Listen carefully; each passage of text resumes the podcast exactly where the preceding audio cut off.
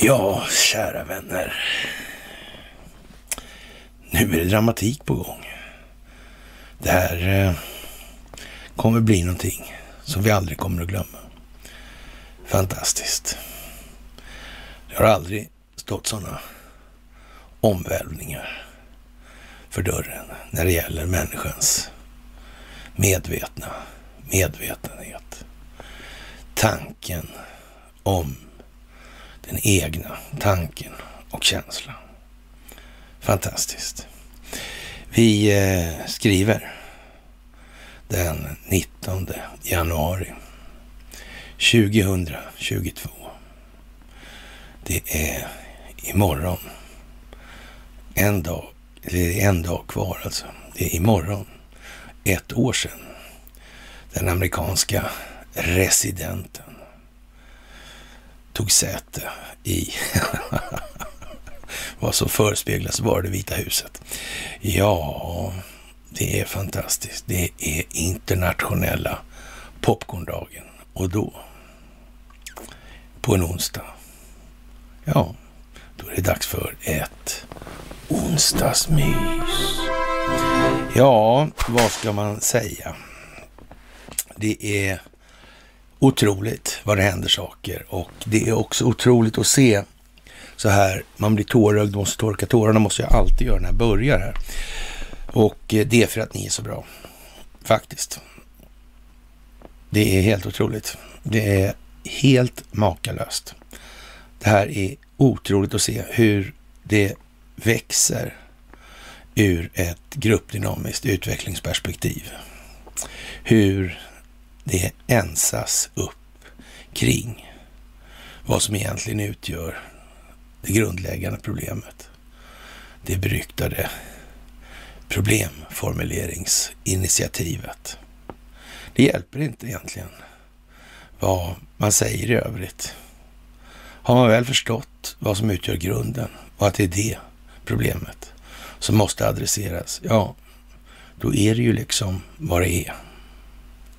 Ni ska ha, som vanligt, det allra största av tack för det ni gör. Ni ska ha tack för gåvor på Swish och Patreon. Ni ska ha tack för att ni fördjupar er på karlnorberg.se. Ni ska ha tack för att ni följer Telegramtjänsten. Och ni ska ha ett jättetack för ert engagemang i övrigt i det här. Det är det som spelar roll helt enkelt. Det handlar om det moderna krigets till uteslutande delar största beståndsdel. Det handlar om informationshanteringen. Det handlar om att skapa optik. Det handlar om att skapa, skapa bilder som är talande nog för att sätta ord på sig själva.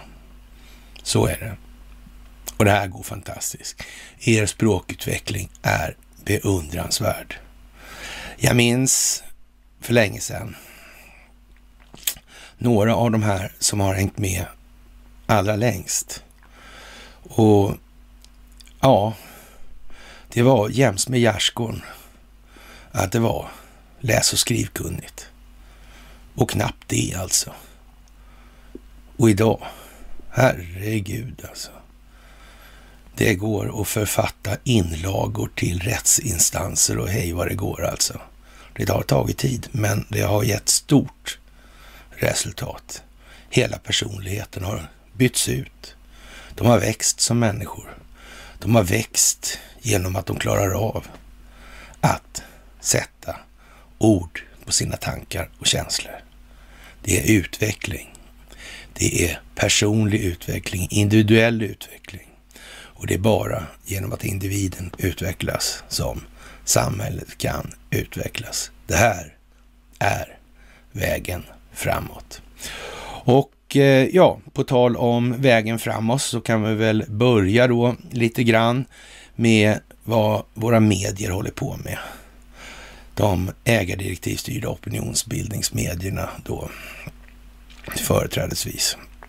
För all del en del, en hel del av de här alternativa verksamheterna är ju lite snett på bollen fortfarande, men det hämtar sig väl får vi hoppas. Det är ju inte mer än så. Faktiskt. När det gäller de ägardirektivstyrda opinionsbildningsmedierna så är situationen lite annorlunda. Där kan man ju kanske inte direkt skylla på oförståelsen i och med ägardirektiven är ju tämligen klara då i förhållande till den verklighet som man kan observera i sin omgivning. Så det får väl gå för att vara skapat med ett något annorlunda uppsåt faktiskt. Och eh, det är bra i det här läget. Det är mycket bra av den anledningen att det tydliggör den här kontroversen mellan vad verkligheten gör gällande och vad de ger uttryck för. Det är viktigt. Det är oerhört viktigt nu.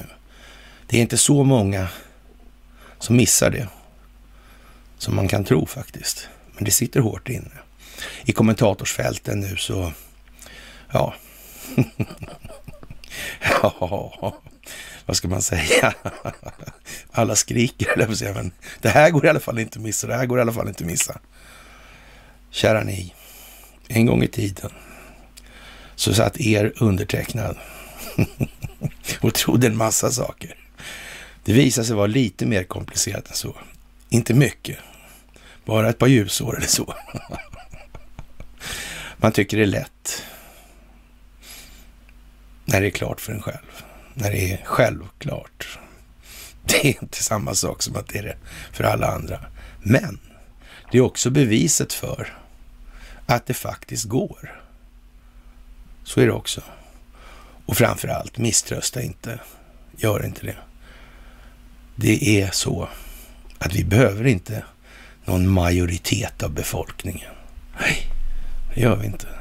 Vi behöver ungefär 20 procent i allt. Och sen kommer det här att lösa sig själv. Då kommer de att följa med när de hör tillräckligt många, och det är ungefär 20 procent av rösterna, säger att det här är den bättre vägen. Det är så här vi måste bete oss och göra för att utveckla samhället vidare. Det här är vad som leder samhället framåt. Och nu i och med de här kontroverserna som hela tiden redovisas genom ägardirektivstyrda opinionsbildningsmedierna, ja, då blir det bara ännu mer tydligt.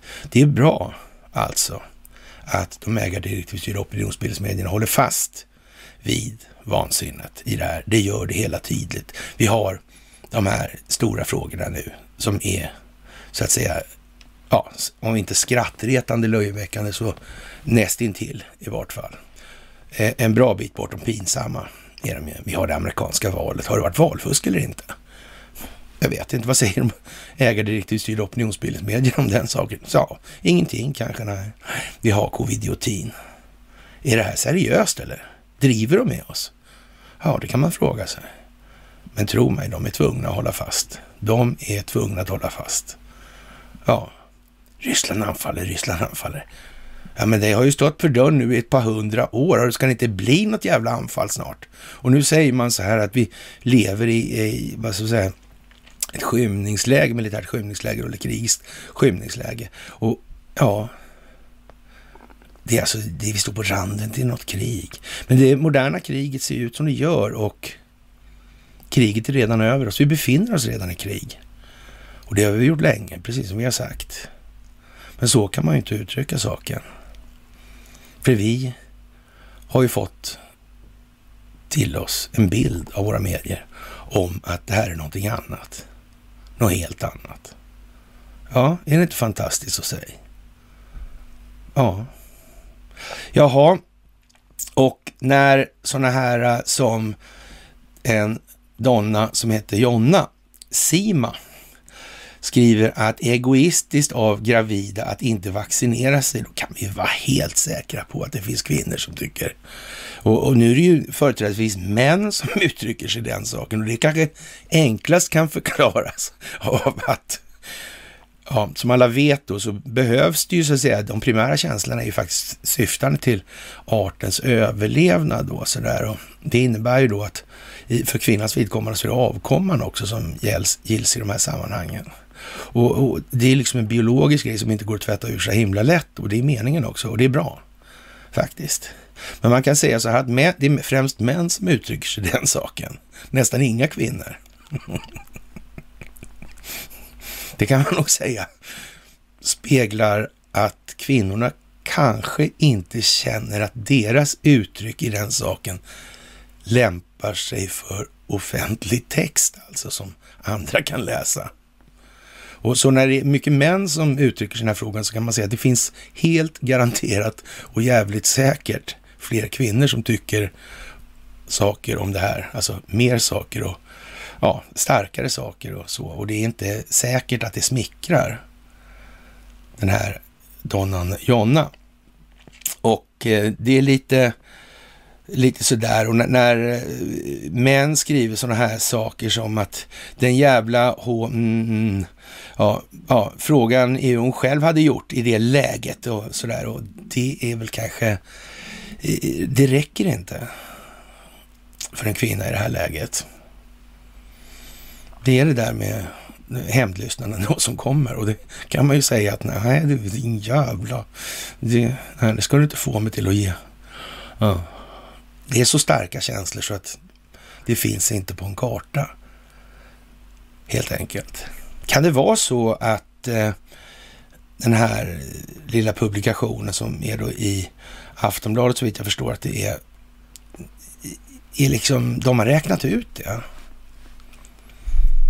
Har man inte fått kvinnor att avgöra mot det här tidigare så kan man väl säga att det där var väl ändå en rätt så effektiv åtgärd. Det var det väl. Det där tror jag liksom... Eh, jag vet inte egentligen om det går så mycket grövre.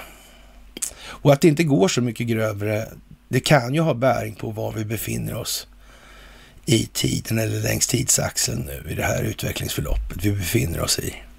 Det kan ju vara så.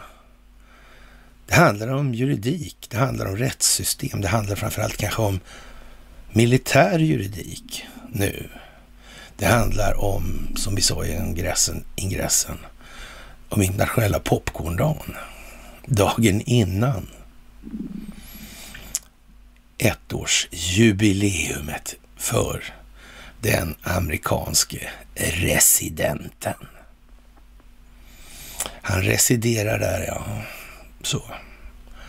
Vad, är det, vad innebär det här egentligen? Jo, i korta drag så innebär det så här att det här finns reglerat i internationella konventioner, det här med yttre påverkan och fientlig maxinverkan och sådana här grejer. Och det måste gå en tid på ett år som den här som gör det dolt har att ge sig till känna. Då. Och om vederbörande, om man nu kan säkerställa på för, från militärt håll i till exempel USA, då vi tar det här hypotetiskt också då som amerikanerna gör. Så ja, då har den amerikanska militären ett annat rättsligt läge, en annan rättslig grund för agerande. Det är imorgon då klockan 13.00 amerikansk tid, alltså sex timmar senare här i Sverige. Mm. Och jag fick förlängt på på Facebook-avstängningar här plötsligt också. Eh, jag vet inte vad de menar riktigt. Ja, de är lite sådär kinkiga på något vis mellan varven. Det var inte så länge, jag fick bara ett dygn sådär. Men vi får se vad det blir i alla fall. Det verkar ju vara lite löst hållet det där just nu. Ja, och det är ju lite lattjo sådär. Och eh, vad kan hända där då? då? Ja, då har den amerikanska militären rätt att agera inom USA i det här fallet då. Mm. Och sen har vi då, det här blir ju på något vis en fråga för det internationella samfundet. Det är därför de här reglerna finns då enligt internationella konventioner och det i sin tur får man då anse gör gällande, gör det ganska tydligt att det här eh, lilla, ja, man gjorde så att man tog över Ericsson där då, då den 10 november 19, eller 2019. Ja. Så. Så egentligen var det bara en signal för att man agerar samfällt med någon form av internationellt samfund som av förklarliga skäl inte ger sig till känna eftersom man inte rimligtvis kan veta hur hela omfattningen av det här ser ut och fungerar. Det är ju lite bra att tänka på nu och framför allt inför morgondagen. Och om man då undrar varför de ser ut som de gör, de svenska politikerna då, Ann Linde och till exempel Hultqvist, när de uttrycker sig i de här frågorna om de här hotbilderna och det här med att ja, mobilisera hit och dit. Ja, vi kan väl säga så. Det handlar om optik. Det handlar om att människor ska tänka efter. Och man skulle rent utav kunna säga att det handlar om att eh, jag ska kunna sitta här och, och berätta det här, till exempel. Det är en sån sak. Det handlar om att individen ska utvecklas. Det handlar om att människor ska förstå, se bilden för vad det här är för någonting. Tyvärr är det ju inte sådär jättemånga som gör det här just nu. Och jag är ett enormt tack skyldig till de som befinner sig i de här kretsarna som håller på med det så att säga, om vi ska kalla det för understödet till den här verksamheten, till de här mysen till exempel. Ni gör ett hästjobb verkligen alltså. Otroligt vilken fart det här har nu. Fantastiskt. Ja, och som sagt, det här finns det mycket att säga om. En annan sak som det finns massa saker att säga om, det är ju den teknologiska utvecklingsnivån i samhället. Och hur långt har den kommit egentligen? Vet vi det? Och varför i så fall vet vi inte det? Om vi inte vet det. Kan det ha något med den här fantastiska immaterialrätten att göra? Den som svenska intressen har gjort till, ja, en konst. En art på engelska. The art of cloaking dessutom. Finns där också i det här. inte det konstigt? Att verka utan att synas alltså blir det då. Ja, lägger ihop det där. Det är märkligt. Mm. Patenttvister och sånt där. Det verkar vara något viktigt det där. Mm. Ja, ja. Men eh, nu talar man om i medierna då att man har så att säga lyckats skapa ett elektroniskt, en elektronisk hud alltså som kan mäta rörelser och översätta den till rörelser hos robotar och så vidare. Och den motiverade frågan är naturligtvis, så att säga, eh, ja, hur lång tid har det här egentligen funnits? Är den här tekniken ny? Är den gammal? Skulle jag kunna innebära någon form av ovälkomna revolutioner ur ett ekonomiskt nyttoperspektiv för några enskilda intressen. att Hålla på det här lite grann kanske. Kan det vara så? Kan det vara så? Kan det rent av vara så att många av de här teknologierna till och med har funnits väldigt, väldigt, väldigt länge? Mm. Ja, vi såg väl någonting med någon månlandning, eller en konstgjord måne va, som kineserna hade. Man hade väl någon form av antigravitation där på gång. Kan det ha varit gammalt också? Fanns det inte något gammalt tyskt projekt där i de här sammanhangen? Vad hette det så? Uh -huh. Anne Närbe heter det, ja just det. Anne Närbe heter det. Det var ingen svensk med där. Jo, jo, jo, han ja. Ja, alltså, Hedin ja. Hedin, Sven Hedin-institutet där. Heinrich Himmler ordnade det där. Mm. Och så var det de här i bakgrunden hela tiden igen ja. De fanns ju där redan då. Tyst. I skuggorna. Vem var det som bestämde egentligen? Ja, hela världen ser det nu. Och nu ser vi att hela världen ser det. Jaha, och eh, ja, det är ju lite, ja, det här med att uppleva andras känslor och så vidare. Det är väl så som det är. Jaha, Donald Trump höll ju någon liten, något litet eh, anförande här förleden då, häromdagen och eh, i helgen som var. Så han sa så här, när det gällde OAN, då, OAN, det är att eh, One American News har gjort ett bra jobb och den här, här är historien. Och det här är inget hopp egentligen, vi ska tillbaka till där vi var alldeles en sekund sedan, men vänta lite här då. Så, och här är historien. Vad som just hände, ja, de vakna, de här jättevakna cheferna då, ja, de, jag vet inte vad fan de håller på med alltså. Men eh, de har mycket skulder. Mm, AT&T är ett företag som är i allvarliga problem och de behöver AT&T, sa han. Och eh, AT&T säger att de kanske inte längre går med på att ja, upp, eller, ja, köra det här nätverket. Mm. Ja, det är konstigt det där alltså. Ja, det går väldigt bra för Owen annars. Så det, ja, och vad beror det här på då? Jo, det säger Donald Trump, det beror på att folk sa åt dem att eh, de inte skulle sända det här Owen då. då. Ja, Eh, ja, vad skulle vi göra, säger Donald Trump. Vi kan väl göra som de gör med, mot republikanska företag. Vi kanske skulle, eh, ja, skita i att använda TNT. Ja, eh, och, ja, men det verkar ju inte trevligt att göra så. Men de är ju inte så trevliga. Ska man, hur ska man göra här egentligen? Men är det själva liksom kvintessensen ur det resonemanget egentligen? Nej, det är ju inte det. Utan nu, nu tror man ju någonstans här då att AT&T då som är någon form av service provider i det här styr det här. Det gör de tydligen inte då. För det är bara att bojkotta dem så så kan man inte, eller hur funkar det där egentligen? V vad svarar de för egentligen? Svarar inte de för själva telekominfrastrukturen då alltså? Då är det någon annan som gör det. Vem fan är det då? Ja. ja det är konstigt. Verizon är ju kanske lite mer i det där då. Så. Ja, att det finns ett nationellt amerikanskt säkerhetsintresse inblandat. Det är helt säkert också. Alltså. Ett svenskt sådant. Eller svenskt och svenskt, jag vet inte, globalt är det. Det är inget svenskt, det är bara så till namnet. Och eh, ja, vad finns att säga? Det är samma som alltid. Och eh, ja, vi kanske inte skulle använda AT&T säger Donald Trump. Och med det väcks frågan. Men eh, eh, eh, hur fungerar det då liksom? Om vi bara kan välja bort det, vad är, vad är det som sitter under då, som finns kvar? Och vem kontrollerar det?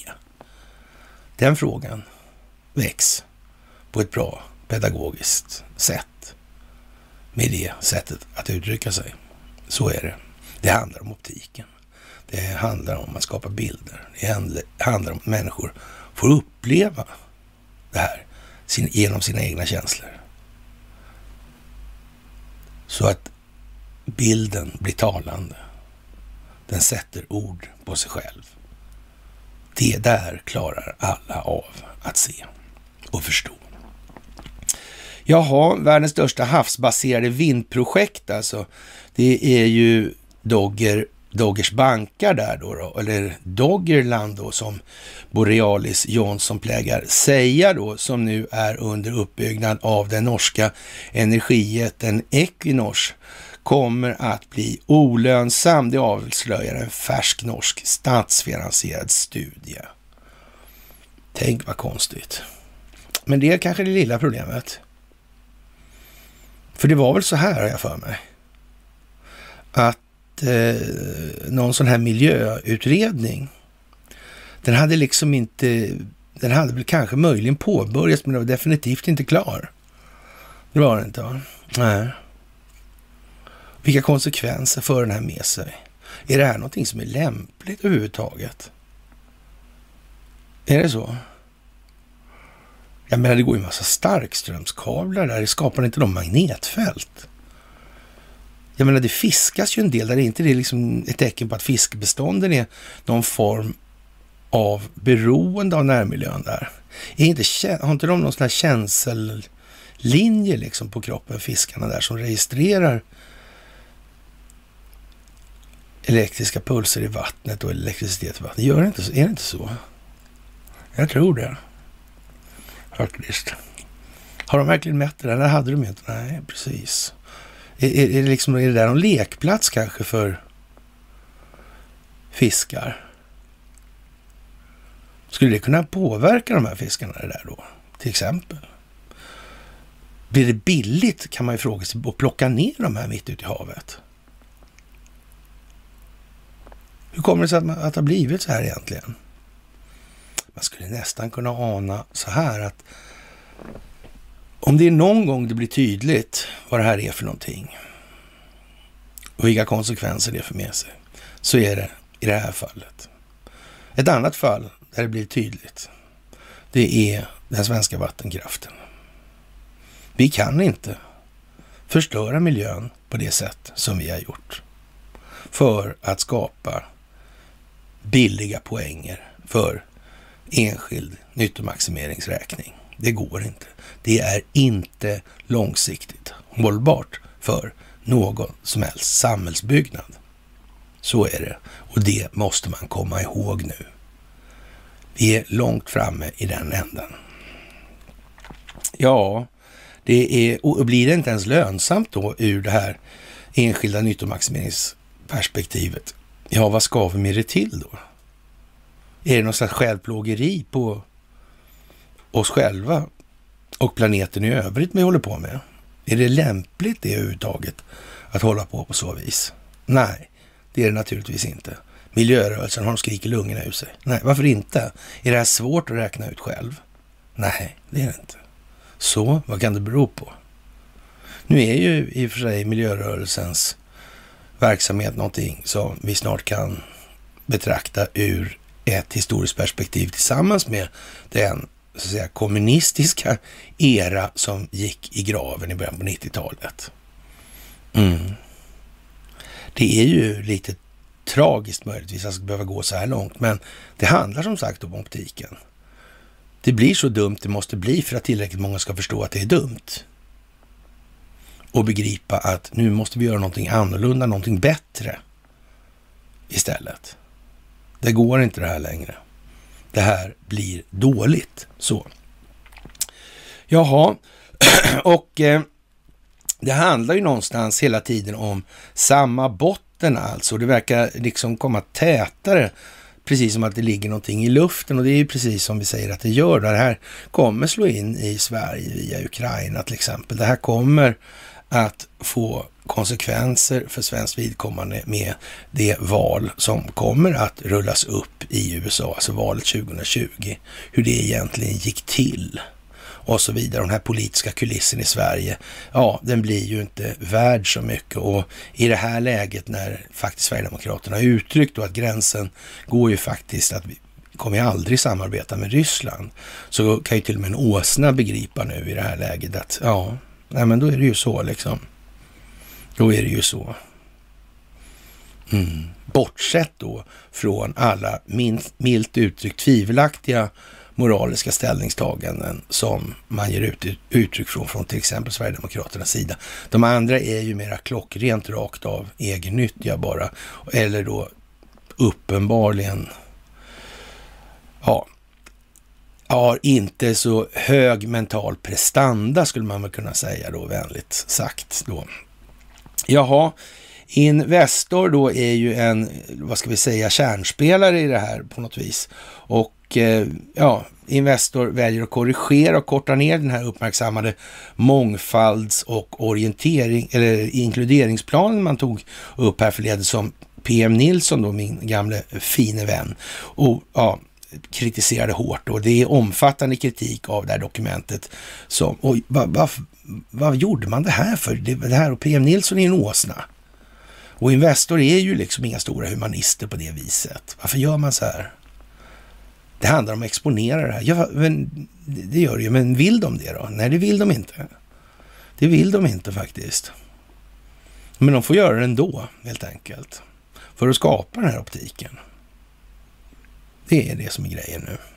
Och eh, ja, det var i slutet på oktober det här och PM Nilsson, han skrev en ledare med rubriken Investor sviker sig självt då och kritiserade bolaget för sin ändrade mångfalds och inkluderingsplan. En kritik som senare backades upp av flera andra tidningars ledarsidor som också förespråkade då att det här var riktigt dåligt alltså. Och enligt PM, PM Nilsson skulle mångfald och inkluderingsplanen få motsatt effekt och istället vara diskriminerande i bolagets sammansättning och vid dess rekryteringar. Han reagerade bland annat på att Investor frångått en historisk framgångsfaktor i svensk industri där meritokratin har fått avgöra vem som är bäst lämpad för ett jobb. Och eh, det vill säga den med bäst meriter anställs. Men nu är det ju inte riktigt så i verkligheten. Det finns ju ett lager till på det här. Men man måste äta upp den här elefanten i en tugga i taget. Det går liksom inte att hoppa hela vägen. Den här enskilda vinstmaximeringen i sig är ju någonting som är helt åt helvete. Och det här systemet, det valutafinansiella systemet inom ekonomin, det är vad det är och det är skuldmättat och kommer haverera oavsett vad de här tralljökarna försöker sig på för habrovinker. Det är den bistra sanningen för deras vidkommande och den något mindre bistra verkligheten för oss alla andra som inte kontrollerar det här systemet som nu råder. Men det kan man ännu inte ta upp för då blir det ju katastrof så att säga. Eller som herr Ford en gång uttryckte saken, om människor förstod hur det här systemet fungerar så hade vi revolution på gatorna imorgon. Och nu när det är tre månader senare har planen alltså reviderats och kortats ner från 10 till 5 sidor av Investors ledningsgrupp och HR-avdelningen, alltså Human Relations. Och eh, det har vi gjort eftersom det uppstått en diskussion för att vi inte vill misstolkas säger då Vivica Hirdman Rydberg och vi undrar lite blygt om inte Hirdman är någon speciell sån här ja, figur i någon form av diplomatsammanhang kanske. Eller hur är det där egentligen? Mm. Någon med ett lustigt... Ja, snudd på ökänd va? Tror jag. Moskva kanske? Nej. Ja, ja. Det kan vara som det är med den saken. Och eh, ja, svenska företag är fega. Och eh, ja, säger någon som heter Gary Baker som är författare då. Och Eh, ja, det här är ju, vad ska vi säga, är ju fluffigt överlag alltså. Den här effektiviteten som omskrivs i det här, i de här sammanhangen. Va, vad är det för effektivitet alltså? Vi säger så här, verkningsgraden på insatt enhet energi alltså. Vad är syftet med verksamheten? Ja, men nu är ju syftet med den här verksamheten, det är enskild vinstmaximering. Det är bara så. Men är det verkligen någonting som gynnar samhället i stort? Det? Får man inte vara lite halvt efterbliven i skallen då, eller vad säger Ingen kritik i övrigt mot sådana tillstånd alltså. Men det här är ju faktiskt dumt bortom in i helvete alltså. Mm. Ja, som sagt, Investor har ju alltså omkring 90 medarbetare. Bolaget har bland annat ägarintressen i Atlas Copco, ABB, AstraZeneca, SEB, Epiroc, Ericsson, Nasdaq, Husqvarna, Saab och Electrolux och så vidare. Och den dolda biten är naturligtvis inte redovisad av någon anledning eller så. Ni fattar själva. Ja, det är som det är. Jaha, och eh, det är ju lite fantastiskt nästan det här. Och eh, hackerattack i USA skapar lönekaos för Electrolux som vi nämnde för fyra och en halv sekund sedan här då. Och eh, med det här är lite festligt faktiskt. faktiskt. Hur dödade Zeus Kronos har jag dragit till mig då i det här. Och eh, med hjälp av hjälmen kunde Hades obemärkt stjäla Kronos vapen, skäran. Poseidon hotade honom med treudden och Eh, ja, så, så, eller Egir hette han också i andra sammanhang i, de här, i norra regionen här. Så att Zeus kunde smyga sig fram bakifrån och med all kraft slungade Zeus sin blixt mot sin fars skalle då. Han var en titan den här alltså. Och eh, ni kanske, det finns i Marvel-filmerna också om det här. Det är nästan värt att titta på bara för den sakens skull. För de här metaforerna eller metaforiska beskrivningarna av det här. Och eh, när ja, det fällde honom omedelbart då. Och varför var det så lustigt då? Jo, i mitten av december utsattes IT-bolaget Kronos som levererar system för registrering av arbetstider i USA för en ransomware-attack, en slags hackerangrepp, alltså det känner ni till nu. Systemen slog ut så drabbade anställda genom felaktiga eller uteblivna löner och fick stor uppmärksamhet i amerikansk press eftersom organisationen med runt 8 miljoner anställda använder systemet då. Mm. Det här systemet verkar ju då på något vis finnas inom ramen för telekominfrastrukturen ungefär som ja, AT&T verkar göra eller de här stora spelbolagen eller ja, you name it. Sådär, och eh, en av Kronos kunder är Electrolux, lustigt nog, som har över 11 000 anställda i flera fabriker i Nordamerika enligt sin senaste årsredovisning. Strax före nyår rapporterade folknyhetssajten WSPA 7 News då, att flera anställda i kylskåpsfabriken i Anderson i södra USA hade problem med löner och ja, med att få svar från arbetsgivaren i det här. Det verkar ju väldigt konstigt här. Alltså. Ja, att det är riktat, det kan vi nästan utgå ifrån. Mm. Och, och, vi vet ju då vem det är som vill släcka ner det här och så vidare nu. Och, och så vidare. Det, men är det verkligen så att den djupa staten klarar av att göra allt det här som man har tänkt att de gör. Tänk om det här är en stingoperation alltihopa. Tänk om det är planerat. Tänk om det finns kalkyler av strategisk natur under allt det här. Det här har spelats fram med syfte att skapa just den här situationen som vi befinner oss i just nu. Ljuset kommer, det blir liksom vitt. Eller hur? Det skulle kunna vara så. Man kan ta på sig vit kavaj därför. Ja, och eh, sen ut, ja, ut, ja, så att säga, en massa människor klar, ta, klagar då på sin egen situation då, som människor ofta plägar göra i det här, som inte kanske förstår vad det här egentligen handlar om i stort. Och det får man ju också respektera i den delen. Men det handlar som sagt om en enda sak. Det handlar om att individen ska utvecklas. Och, men det är klart att är man pressad så där så Mm, då blir det mera fokus. Ungefär som med covidiotin alltså. Det tar en jävla massa fokus ifrån andra saker.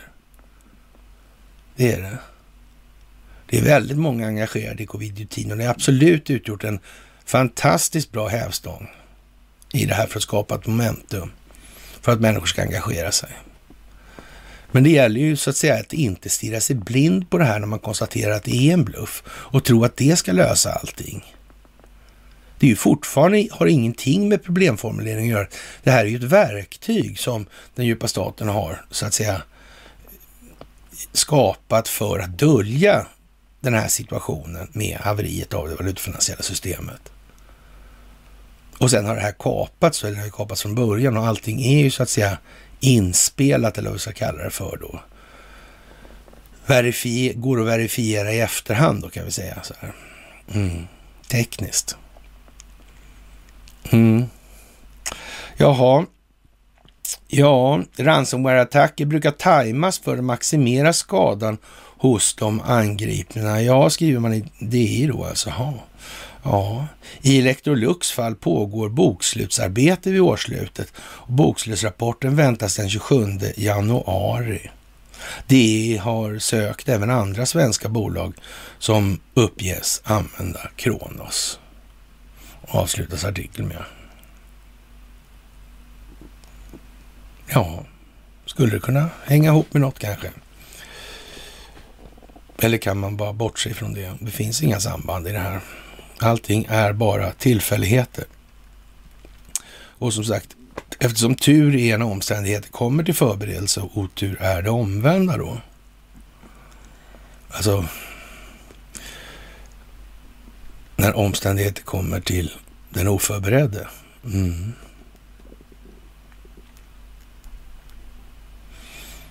Mm, vad kan det här vara för någonting egentligen? Konstigt det där. Jaha, och eh, miljörörelsen har ju lite problem att förklara det här nu när det dyker upp massa idéer om att jordens kärna svalnar snabbare än förväntat. Mm. Men kan vi inte pumpa ner lite uppvärmande koldioxid i? Det var väl någon variant, va? Var inte det? Ja. Ja, men hur, tidshorisonterna på det här, är det här, är det här någonting som har varierat liksom? Eller så att säga, har varierat över tid under lång tid? Alltså kanske alltid rent utav. På något vis. Eller inte? Nej. nej. Jo, eller kanske va? Ja, jag tror faktiskt det. Det är nog så jaha, det kommer att bli kallare och varmare alltså. Och eh, ja, ja, och eh, några börjar sätta ner foten och eh, tycker att det här börjar ju bli lite tokigt då. Till exempel så en av cheferna på Arbetsförmedlingen här i Sverige då för att hålla sig på det här lite svenska perspektivet då, så ja, är oense med chefen om det här med den verksamhet som bedrivs med avseende på de långtidsarbetslösa. Mm. Ja, det är ju lite sådär kanske. De här myndigheterna egentligen, vad är, de är väl en del av den här Stockholmsbyråkratin ändå? Och då är väl deras första och främsta och enda syfte en enda sak då. Det är att upprätthålla systemet. Ingenting annat. Man får vara helt jävla körd i pallet om man inte begriper det vid det här laget, faktiskt. Det är bara så. Många människor på de här myndigheterna ser och förstår hur det är. Och man kan säga att i den här tiden, med det läge som gäller i USA just nu och de förändringar som kan komma vilken sekund som helst efter tidpunkten för att residenten svors in. Ja, då kan man säga det är bättre att förekomma än att förekommas i alla fall. Så närmsta dygnet blir vad det blir. Så är det. De som förstår mer nu förstår mer nu. Mm. Och kanske inte har lust att hamna på fel sida om staketet. Faktiskt. Ja, men det gäller ju att hinna också. Så, och jag vet inte. Många mår ju dåligt naturligtvis. Så är det ju. Och så måste det vara. Och eh, det är vår uppgift att finnas där vi är och göra det vi gör just därför. För att få en rätsida på det här. Det här systemet kommer inte laga sig själv och bli någonting annat än vad det är i grunden. Så är det helt enkelt inte. Och det här är ju naturligtvis bortom löjeväckande då. Och eh, när en kvinna misshandlar en man ska det räknas som eh, mäns våld mot kvinnor enligt en handbok från Jämställdhetsmyndigheten som just har kommit ut. Vi återkommer till det lite längre ner då, då eller längre fram i det här då. då. Och, och ja, man kan ju tänka sig att eh, Ja, det där är ju lite over the top helt enkelt. Och varför varför ens komma med ett sådant uttryck i det här läget? Ökar det förtroendet för de här myndigheterna? De här myndigheterna där det inte finns något tjänstemannaansvar. Ingen kan hållas ansvarig i något som helst sammanhang. Kan det vara så att om det här antalet exempel på det här är ju inte precis blygsamt. Kan det vara så att det är själva tanken som ligger bakom till grunden alltså? Kan det vara så? Eller finns det ens en möjlighet till att det är på något annat sätt? Om man ska vara lite uppriktig. Nej, det gör ju inte det. Det finns ingen möjlighet att det är någonting annat. Syftet med det här är att upprätthålla det här systemet. Hur jävla skitigt och ruttigt och dåligt det är, så är det faktiskt det. Så illa. Det är syftet. Och det måste exponeras. Det måste skapas optik. Det måste skapas bilder som människor förstår. Bilder som är talande. Som själva sätter ord på sig själva. Så är det också. Så tydligt måste det bli nu. Och så tydligt kan man säga, det är det nu också.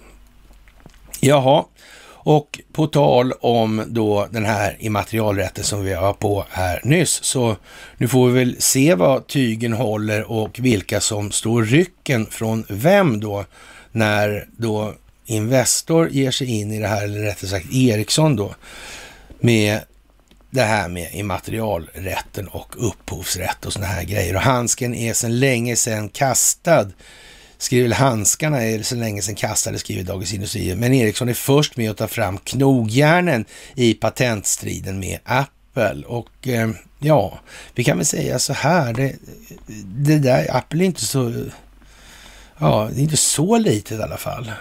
Nu är det naturligtvis inte så att Ericsson och Investor har redovisat sina muskler på långa vägar, såklart inte liksom. Nej. Och det handlar ju mycket om finansiella muskler när man ska hålla på med det här. Det handlar ju aldrig om någon form av rätt i någon verklig bemärkelse så, utan det handlar ju om vem som har mest muskler att hålla på med advokater eller juridiska kostnader helt enkelt i det här. Så det är helt jävla seriöst alltså. Eller kanske inte så jävla seriöst. Ja, härnäst blir det en fråga om prestige, juridisk globetrotting samt finansiell uthållighet, ungefär vad vi just beskrev här alltså. På tisdagen offentliggjordes två stämningar som Ericsson lämnat in mot Apple den 17 januari.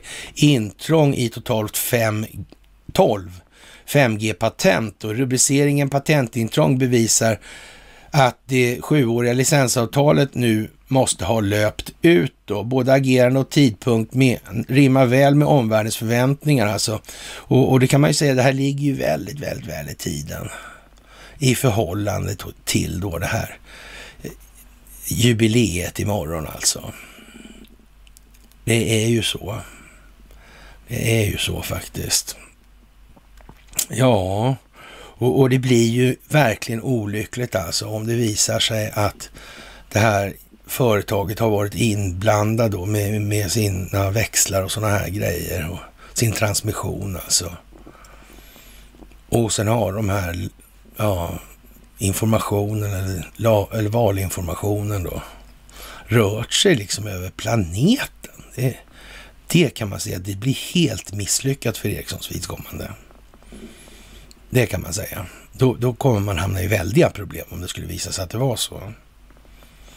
Det kanske har redan visat sig vara så för somliga som har sett det, men det har inte, definitivt inte kommit så långt och det måste tas i delar och det tar lite tid helt enkelt.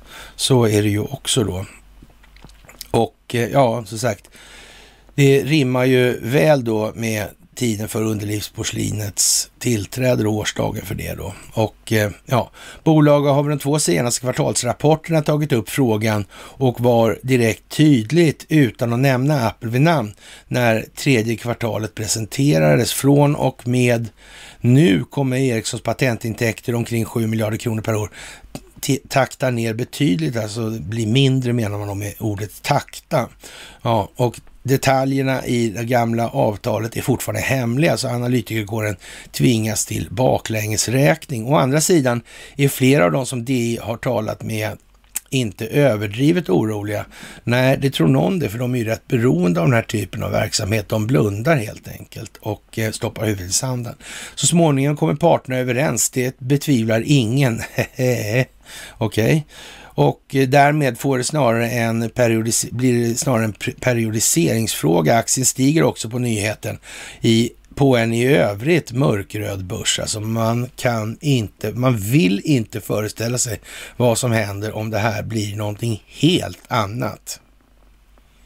Så kan man säga. Man har bantat in sig själv för hårt i fel ände. Så är det bara att Apples försäljning av iPhone-telefoner och mobilanslutna surfplattor skulle kollapsa på samma sätt som skett för Huawei. Det är inte sannolikt, säger man. Nej, det kan man ju säga, men hur fan kan det vara då egentligen? Det, behöver, det kan inte vara så, nej. Nej. Och tänk vad konstigt det här med att Ericsson finns, i, i finns kvar i Ryssland och Kina är märkligt. Hur kan det där komma sig egentligen? Mm. Hur kan det där komma sig? Ja, det kan man ju undra. Och eh, det här kan man säkert koppla ihop med covid, covidiotin också. Och att covidiotin, covidiotin har använts då i det här valet också som metod, verktyg, transportverktyg alltså. För att skapa negativa effekter för Donald Trump. Och visst, då är det färdighaft även med signaler från mellan USA och Kina i det här. Mm, då räcker det också. Att det dessutom är samma part i grund och botten, det gör nog ingenting jättemycket bättre. Det tror jag inte faktiskt. Och eh, ja, i slutändan brukar de här avtalen sluta i att man ja, förlikas utanför rättssalarna då i alla fall. Den centrala frågan blir då enbart hur mycket Apple betalar, antingen per såld enhet eller som fast royalty. Det är väl lite gulligt ändå att de ska betala sådär. Vem är det som bestämmer här egentligen? Ja, det går ju uppenbarligen inte bara att skita i att betala.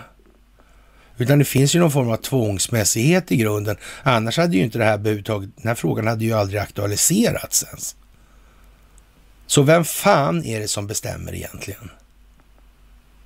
Ja, det är ju som det är helt enkelt.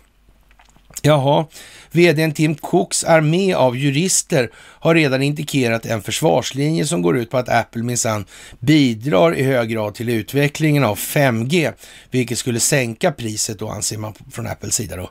Utifrån sett har dock innovationskraften i bolaget skiftat över från revolutionerande produkter som iMac, iPod iPhone till allt djärvare betalmodeller då i det digitala universum som man enväldigt behärskar. Det där är ju en rätt så saftig formulering alltså.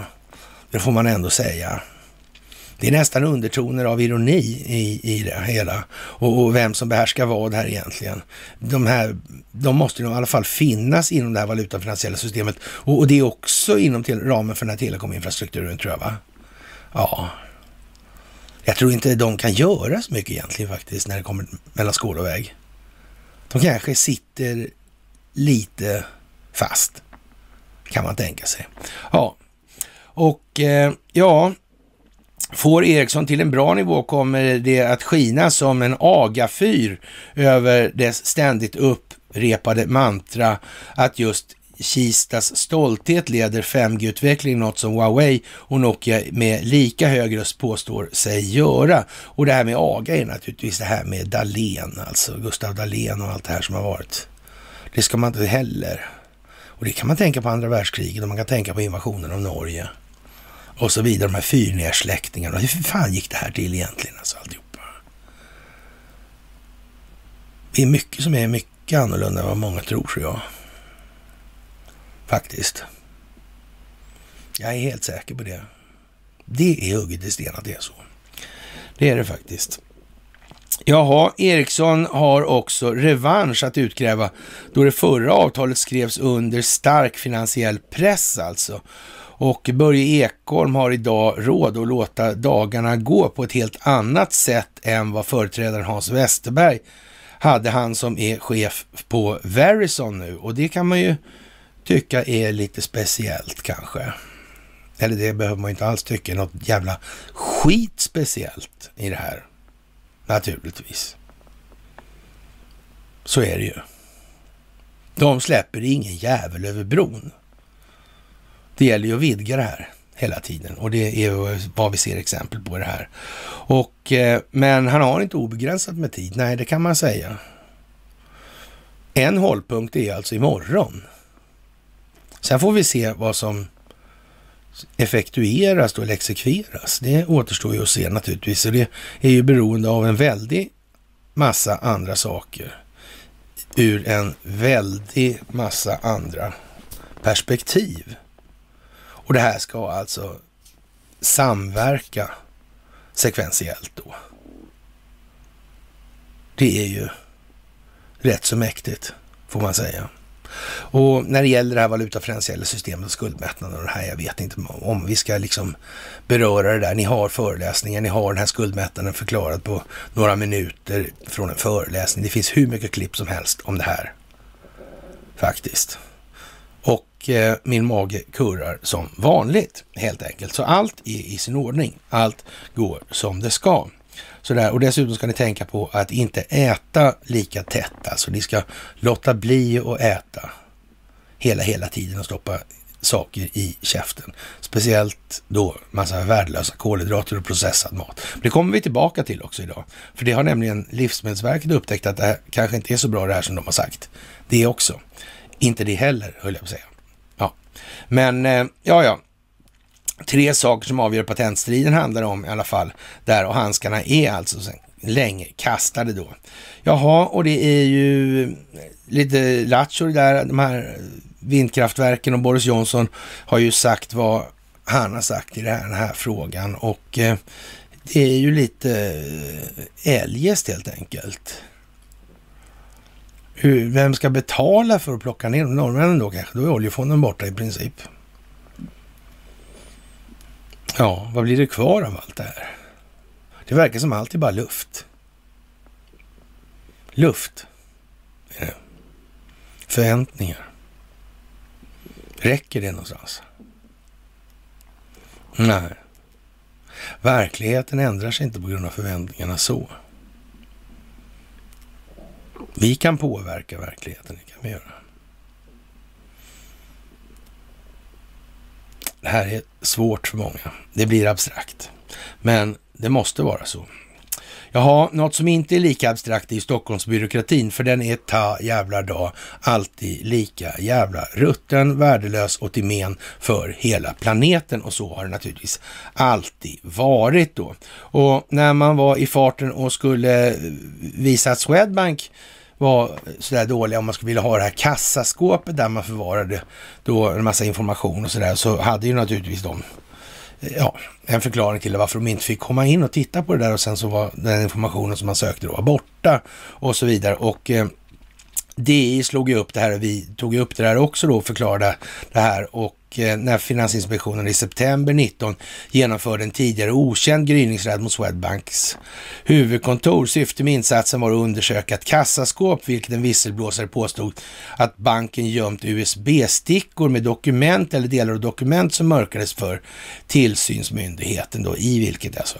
Ja, det är ju lite speciellt. Razzian blev ett misslyckande, eller för att säga hur jävla pinsamt som helst då. Först efter en längre tids väntan fick Finansinspektionen tillgång till kassaskåpet skåpet, men då gick det inte att utesluta att någon hade varit och tömt skåpet på sånt man inte ville att myndigheten skulle hitta. Finansinspektionen fick därmed åka hem utan egentligt svar på den fråga som föranledde besöket. Vi tog ju upp det här med Erik Thedéen då som ringde och skällde ut de här bankcheferna och tyckte det var lite larvigt. Erik måste väl rimligtvis ha vetat om att man inte hade befogenheter att begära in det här materialet på det viset. Det det är också en konstig grej. Hur kommer det där sig? Är, är det liksom bara slumpen? Eller är det här skapat på det viset? Vi tog ju upp det här i samband med att då regeringskansliet och den här covid-kommissionen, heter coronakommissionen kanske, ja, hade då en, en, en viss an, animositet då, alltså vi är lite aviga mot varandra helt enkelt. Och det berodde ju på att den här utredande delen, kommissionen då inte fick ut handlingar från regeringskansliet därför att de hade ju tagit alla anteckningarna som privata anteckningar. Det fanns inget som, inte just så mycket annat att prata om. Och då sa ju vi då lite fräckt att ja, men det kanske är så planerat helt enkelt. Att man har satt det här i system redan från början. Det här är den typen av modus operandi som man alltid använt sig av för att slippa insyn, för att komma undan granskningar, för att slippa eventuella påföljder om man har betett sig på ett moraliskt tvivelaktigt sätt. Det, det är ju liksom lite så. Ja, men det här rullar vidare som av en lustig händelse. De måste ju verkligen vara jätteförtjusta över att hålla, behöva hålla på och skriva med det här. Men tro mig, det finns en dramaturgi bakom det här. Det finns en regi i de här sammanhangen. Ja, och eh, ja, som sagt, det här var ju lite, ja, finansiella, eller Finansinspektionen har tillgång till några tvångsmedel och inte heller möjlighet att begära handräckning av polis, vilket en del andra tillsynsmyndigheter kan då, däribland Naturvårdsverket och Livsmedelsverket. De är ju enormt mycket mer viktiga då och att man skriver just så i Dagens Industri, vad fan beror det på? Är det som man ska tycka då, liksom att när man snor ett par miljarder eller tvättar på miljarder sådär, då är det mindre viktigt än om någon säljer gammalt kött eller märker om köttfärsen på ICA Maxi i Haninge. Mm, är det så? Effekterna alltså. De här tvättvarianterna kan ju innehålla en hel del ja, en hel del annan finansiering så att säga kan ju gå genom det här och så vidare. Ja, så det, det verkar ju liksom rätt. och Varför skriver man det då på Dagens Industri? Ja, blir Finansinspektionen exempelvis inte insläppt genom en dörr finns det därför inte mycket myndigheter kan göra åt situationen. Ja, det är ju seriöst. Ja, fiaskot på Swedbank har dock inte fått Finansinspektionen att önska sig utökade befogenheter heller. Jaha. Nej, men man är nöjda med det här då alltså. Det tror någon om det? Fantastiskt. Eller är det inte så fantastiskt kanske? Eller är det helt gjort för att skapa optik? För att människor ska se? För att människor ska förstå. För att människor ska få en bild som är talande, som sätter ord på sig själv. Det är ju för fan inte klokt, kommer människor tycka. Vadå tvätta tusentals miljarder? Jaha, och sen kan ingen egentligen kolla det här. Nu undrar ju vän av ordning, hur fan kom det sig att det uppdagades? För det var inte Finansinspektionen eller Ekobrottsmyndigheten som upptäckte det heller. Jaha. Det var ju konstigt. Men är inte det deras jävla jobb? Och nu är de faktiskt i den situationen att när det här kommer upp, då har de inte ens kommit på idén att de önskar sig utökade befogenheter. Vore inte det klädsamt då i det här läget egentligen och, och tycka då att Ja, men eh, om vi säger att vi var, vi var Finansinspektionen då, jag var Erik Thedéen då och vi var styrelsen då allihopa här och så tittar på det här. Ja. Och sen har vi gjort så där och då, då måste vi resonera så här egentligen då och säga så här fan det här är ju osnyggt alltså. Jävlar alltså, det här blir inte bra. Ja, vi, vi får eh, skriva så här, alltså vi får, för jag får ta några utökade befogenheter helt enkelt. Vi tar, vi, vi och, och, och, så säger vi då att det här, den här insatsen kommer leda till det, det, det där eller det där liksom. Den här effekten och den där effekten och då kommer vi kunna stoppa det här på ett mycket bättre sätt. Och så kan vi ta då liksom att det är eh, synergieffekter i kombination med övriga myndigheters inverkan och påverkan på verksamheten alltså och tillståndspliktigheter och sådana här grejer. Ja, men vi syr ihop en ordsallad av det där helt enkelt och då kommer inte folk att fatta. Men här är det flagrant ska man säga alltså. Det här har inte fått Finansinspektionen att önska sig utökade befogenheter. Vad är det man säger för någonting? Nu jävlar ser ni till att vakna och haja till. Det här är ju någonting som är kardinalfel. Och då kan vi också säga så här, det säger också någonting om var vi befinner oss i det här. I utvecklingsförloppet i stort. Det här är inte snackan om liksom någon slags otydlighet eller något så på något vis. Så är det också. Man vet var landet befinner sig. Och man vet att det här är ju ingenting. Varför ser vi inte de politiska partierna agera i den här frågan? Är det oviktigt att en av de stora bankerna ägnar sig åt den här typen av verksamhet och inte kan, eh, det kan inte eh, sättas påföljder och sånt här överhuvudtaget. De har ju fått en påföljd, men vad, vad är det för någon typ av påföljd i sammanhanget sett i förhållande till de belopp som de faktiskt har kunnat tjäna på det här, som de givetvis inte har kört den egna vägen utan de har kört någon annan väg. Och så har vi den lilla situationen eller det lilla förhållandet eller avbrett kanske rent utav med att eh, de, det här med vad bankerna och myndigheterna och deras så att säga, samverkan. Har myndigheterna rätt att gå in till banken och begära vad som helst, hur som helst, när som helst? Nej, de har ju inte det. Vilka är det som sitter i Finansinspektionen? Det sitter, det sitter väl för fan, det kan väl aldrig vara så jävla korkat att det sitter folk från de privata affärsbankerna i Finansinspektionen? Eller? Nej. Är det så dumt också? Det är ju inte klokt i så fall. Alltså. Vad fan har ingen sagt något för? Hur fan kommer det sig? Ingen aning. Ingen aning faktiskt. Och eh, ja, ja, Finansinspektionen är inte en eh, polisiär myndighet och har inte påtalat ett behov av tvångsmedel till regeringar, uppger Victoria Eriksson, biträdande kommunikationschef på Finansinspektionen då. Och eh, ska jag förstå det som att Finansinspektionen inte ser något behov av tvångsmedel trots erfarenheterna från exempelvis undersökningen mot Swedbank? Eh, frågan har inte varit aktuell, svarar då vederbörande Victoria. Inte heller finansmarknadsminister Max Elger, socialdemokrat, ser något sådant behov. Jag upplev, han säger så här, jag upplever nog idag att Finansinspektionen har erforderliga medel för att genomdriva sin vilja vid inspektioner eftersom de har trovärdiga hot i den reglering vi har, säger han till DI. Eh, vad sägs om eh, verkliga rättsliga juridiska påföljder till exempel i det här? hans jävla upplevelser och sådana här grejer, de är inte jag liksom eh, och, och trovärdiga. Ja, men det beror väl för fan på individen vad som tros och inte tros i det här.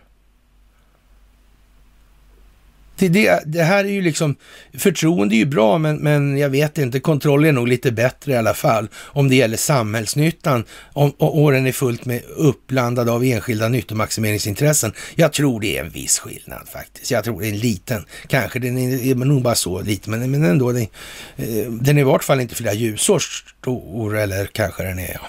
Ja, ja men så. Jaha, Ordningen är att den bank som inte samarbetar med Finansinspektionen bryter mot den reglering vi har och det innebär att ytterst kan Finansinspektionen besluta om att dra in banktillståndet. Ja, den här oktrojen. Det handlade en gång i tiden om det här med oktroj. Det handlade om att handla med slavar. Det var tillstånd som de Ostindiska kompanierna utförde. Mm. Och, och konsekvenserna av att dra in Swedbanks oktroj, de skulle bli helt obetydliga för svenska samhället. Är han helt jävla dum i huvudet eller? Vad fan lider karln av? Det, det, är ju liksom med huslån och hela skiten. Säkert, det kommer bli jättebra. Jättebra. Ja, eller hur? Swedbank fick dock inte tillståndet indraget. Nej, säger du? Ja, straffet blev, från FI blev böter då på 4 miljarder spänn, vilket kan jämföras med den maximala bötesbelopp på 5,6 miljarder. Det är det största man kan få alltså. I USA är det lite större, då kan man få 10 gånger omsättningen på härvan man tvättat alltså. Så, det hade blivit lite mer om vi säger lite, lite snällt sagt alltså. Ja, ja. Vilket då kan jämföras med det maximala bötesbeloppet om 5,6 miljarder kronor. 4 miljarder kronor motsvarande knappt en fjärdedel av Swedbanks vinst samma år. Jaha. Och om de här tvättade pengarna, för jag antar att de här tvättade pengarna, de gav väl ett netto, det var väl en ekonomisk fråga trots allt. Det fanns ett ekonomiskt incitament till att blanda sig i det här i någon mån. Jaha. Och det stoppar man in i bokföringen, hur då?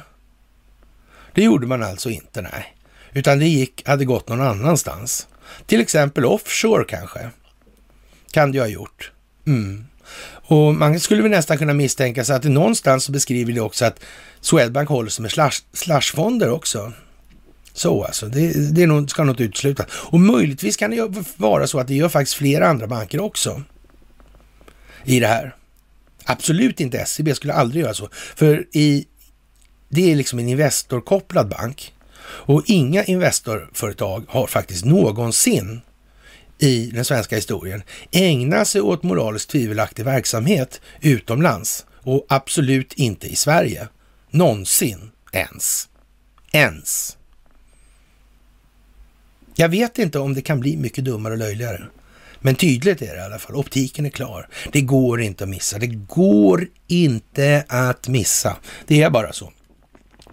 Jaha, vad ska vi säga? Fantastiskt säger vi, Sverige är fantastiskt. Och som sagt, det här med miljöutredningarna för miljörörelsen, det är ju fantastiskt det också.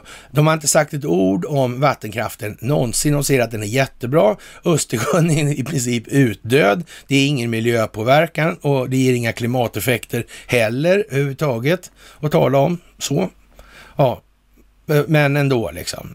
Allvarligt talat alltså. Och, och sossarna ja, nu ska vi inte vara gnälliga på statsministern. Hon är ju faktiskt, det ska man ge statsministern. Hon är ju faktiskt den enda som har rekommenderat den här verksamheten för frågan om hur pengar skapas och vad det här är för någonting och så vidare. Sen att inte hon tror att det är så, men det får ju faktiskt ses i ljuset av att hon är gift som hon är. Va? Men, men det ska hon ju trots allt ha heder av, att hon håller på sin lojalitet till sin bättre hälft, då får vi hoppas i det moraliska avseendet i alla fall. Men, men, men det är inte vi så fan på liksom. Är man, är man professor på Handelshögskolan och har Jakob Wallenberg-professuren så är inte det alldeles säkert att det är sådär eh, ja, föredömligt moraliskt, om vi säger som så då. Faktiskt, det verkar lite misstänkt helt enkelt. Jaha, och den här tolkningen med mäns våld mot kvinnor som Jämställdhetsmyndigheten erbjuder och som dess byråkrater kallar välformulerad. Ja, det är Stockholmsbyråkrater vi pratar om, så välformulerad blir ju förhållandet förhållande till syftet med den och det har inte något med samhällets bästa att göra i alla fall. Är så vid att den till och med inkluderar våld i lesbiska samkönade relationer där inga män alls är närvarande eller situationer där man faktiskt är offer, alltså när män är offer. Det är ju helt otroligt att det blir ändå mäns våld mot kvinnor alltså. Enligt riktlinjer publiceras blir det självmord då om en dama slår ihjäl gubben alltså? Det blir det väl då i så fall, enligt den logiska devisen. Det om något är svenskt och Stockholmsbyråkratiskt. Det är börjat närma sig åtminstone distriktsrekord i Göteborg, inte i Stockholm naturligtvis, men för, för där finns ju Stockholmsbyråkratin i grund och botten, så där sätts liksom ribban för rekorden så att säga. Ja, de har alltid rekorden helt enkelt. Det kommer ju därifrån. Det är därifrån Stockholmssyndromet kommer. Där, med det sagt inte heller att den ja, goa gubbars anda är, är någonting annat. Det är bara, ja, de är lite mer språkfientliga helt enkelt. Ja, de, de tar den enkla vägen helt enkelt. Jag pikar inte Conny nu, alltså det är inte det jag håller på med. Ja. Enligt riktlinjer publicerade i Jämställdhetsmyndigheten, även om kvinnan är den missbrukande missbrukande partnern i en relation klassas det fortfarande som mäns våld mot kvinnor. Och det här är ju fantastiskt alltså. Har, ja, nyhetsbyrån Kvartal rapporterat alltså. I handboken Inget att vänta på beskrivs mäns våld mot kvinnor som en ett paraplybegrepp som även inkluderar sådant som exploatering av den kvinnliga kroppen i reklam, media och pornografi. Jaha, men tolkningen är så bra. Jag vet inte, Ghislaine Maxwell, nej men det är en annan fråga, men skit i det. Ja, men tolkningen är så bred att den till och med inkluderar våld i lesbiska samkönade relationer, alltså, där inga män är närvarande överhuvudtaget, eller alltså situationer där män faktiskt är offer. Nu är det, kommer det från Sputnik det här jag just reciterade. Och, och det är ju lite speciellt alltså. När, varför tas det här upp internationellt? Det är ju liksom ingen fråga för den ryska befolkningen på det viset. Det är, varför gör man det till så då? Och kanske vill man på något vis påskina eller låta påtala för den svenska befolkningen att det där, så där är det inte någon annanstans alltså. Det där är helt, eh, ja, det är helt ologiskt. Irrationellt. Galet. Vansinnigt. Ska vi ha det så? Är det lämpligt ens?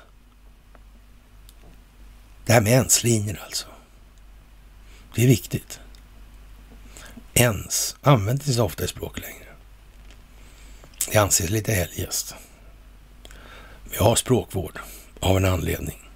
Och den anledningen,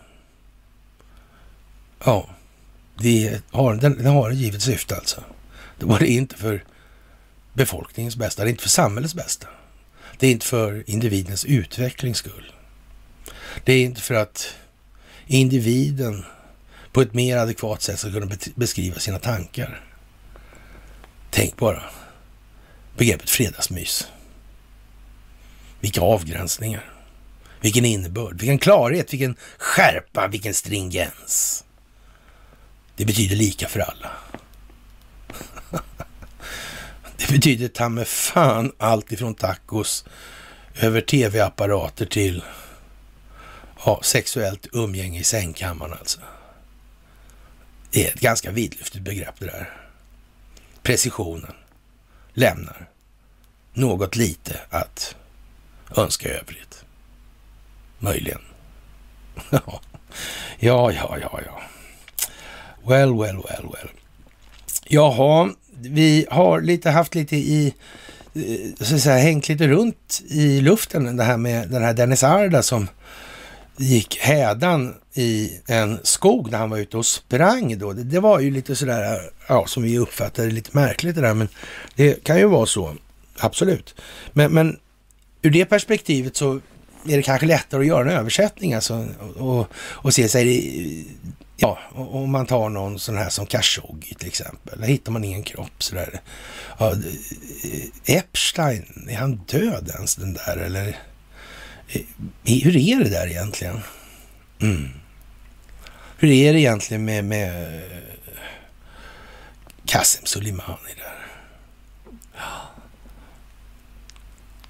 Det finns ett antal sådana här alltså. Mm. I tiden liksom. Liksom runt kontroversiella, eller antingen är de då kontroversiella politiska figurer eller också finns de i anknytning till kontroversiella politiska figurer det här. Ja.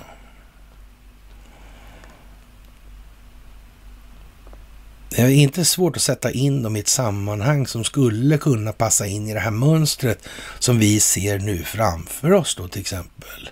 Vi ser den upptrappade situationen i Ukraina. Vi ser hur den här sprider sig ifrån ja, Nordnorge ner till Svarta havet. Över Europa. Mm. Vi ser de svenska politikernas ängsliga blickar, darrande stämmer, irriterade.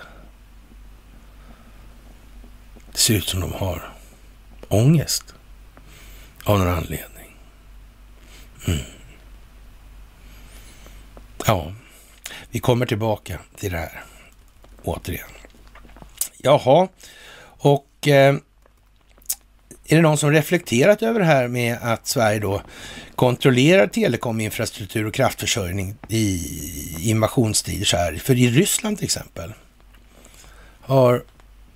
Jag menar om det... Vore det inte enklare för Ryssland då? Varför invadera? Om det Sverige ska betala då eller Ryssland ska betala till de här företagen och så invaderar då Ryssland Sverige då? Och ska de fortsätta betala till de här företagen då? Eller hur fan är det där tänkt? Kan de inte liksom, eller, eller vad ska de ha här då? Är det inte bara skita att betala där och förstatliga dem där direkt där istället? Verkar inte så. Konstigt, eller hur? Eller inte ett jävla dugg konstigt egentligen, naturligtvis inte. Det är helt uppenbart, det är helt klar optik, det är helt talande när man sätter det ur rätt perspektiv. Tittar på det med rätt ögon. Tänker till. Tänker efter. Tänker framåt, tänker bakåt, tänker framåt. Och så vidare. Vem gör vad, varför? Vem har gjort vad och varför? Vad har det lett till? Vad kan det möjligen tänkas leda vidare till om ingen interfererar med utvecklingsförloppet? Kanske någon har förstått det och interfererar, men låter det spela vidare för att det ska exponeras. För att det ska skapa en medvetenhet, en förståelse, en optik, en bild, en talande bild. Kan det vara så? Ja, det kan det. Och det kan inte vara på något annat vis. Så är det. Ja. Mm.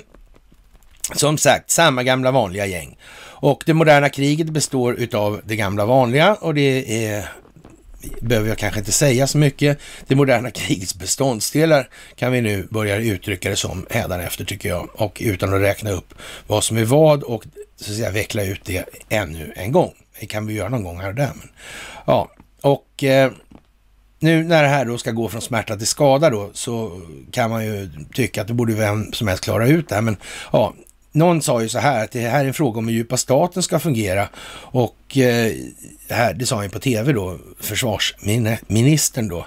Och eh, ja, och omvärlden tycks ju vara då rätt överens nu om att det, eh, den djupa staten eh, ska inte fungera alls då. Det, det är ju liksom det klara i det här och vi återigen så ja, hänvisar vi lite grann till den här bilden då på Recep Tayyip Erdogan, Donald Trump, Xi Jinping och eh, Vladimir Putin.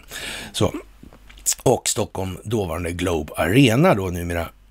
Avicii Arena är det då nu? Jag vet inte, men i alla fall, jag, jag tror att det är så. Ja, och eh, den, den, frågan är ju lite sådär lite överspelad i den meningen, även om den här konserten kanske inte har varit än. Eller kanske den har. Jag vet inte. Men Omvärlden är alltså överens om att det här ska inte fungera alls för den djupa staten och eh, ja, vi har ju en överbefälhavare då, en, en underlivsporslinare fast med Y då, Y-front på dämparna då. Och eh, vi ska inte tycka synd om honom i det här då, för han har ju haft alla, tid, alla chanser i världen på sig att, att göra någonting ordentligt av tillvaron för sig själv och för andra. Inte springa runt som någon jävla, jag vet inte vad liksom. Det är ju lite som det är. Och eh, ja, det är ju eh, på så vis att han har ju sett till något intresse i alla fall i det här. Och om det är av direkt oförstånd han har betett sig som han har gjort, då är det ju väldigt bra för Försvarsmakten, det är bra för alla att det blir som det blir ändå, men, men eh, jag vet inte, hans lämplighet på den positionen kanske är lite mer sådär eljest då. Ja, men han har ju sett till något intresse i alla fall. Vad det kan vara kanske en var kan räkna ut själv alltså. Och vad utbildar man då de här gröna baskrarna, eller hemvärnet då? Varför utbildas de här gröna baskrarna på Gotland?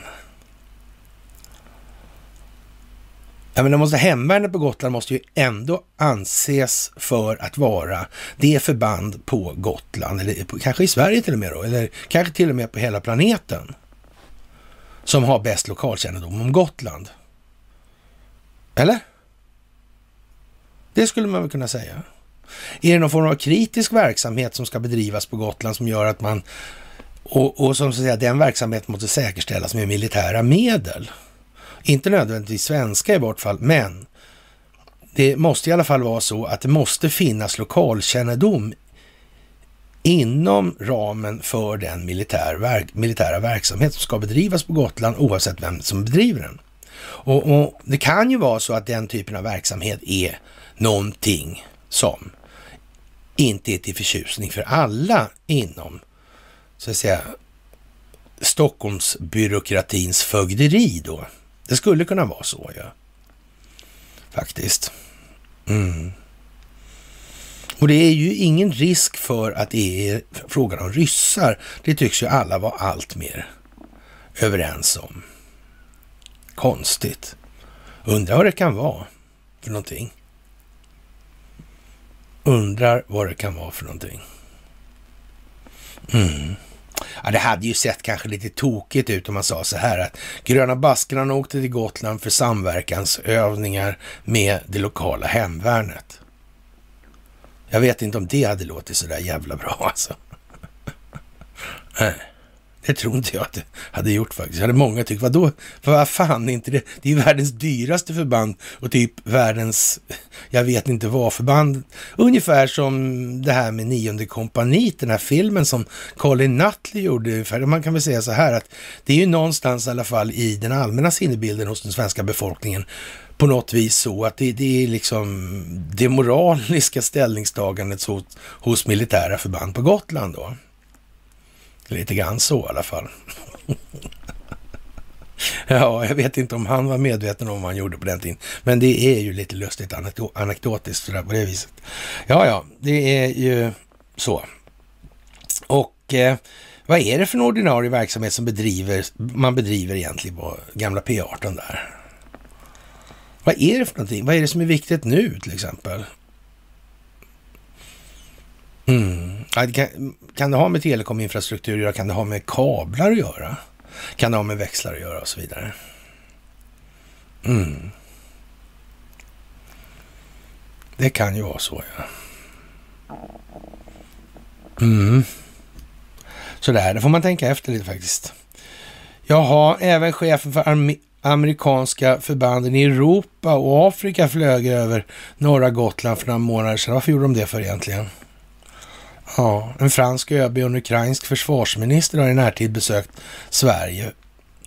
Ja, fransmannen var på ön. Han blev rundvisad. Vad är det här för någonting egentligen?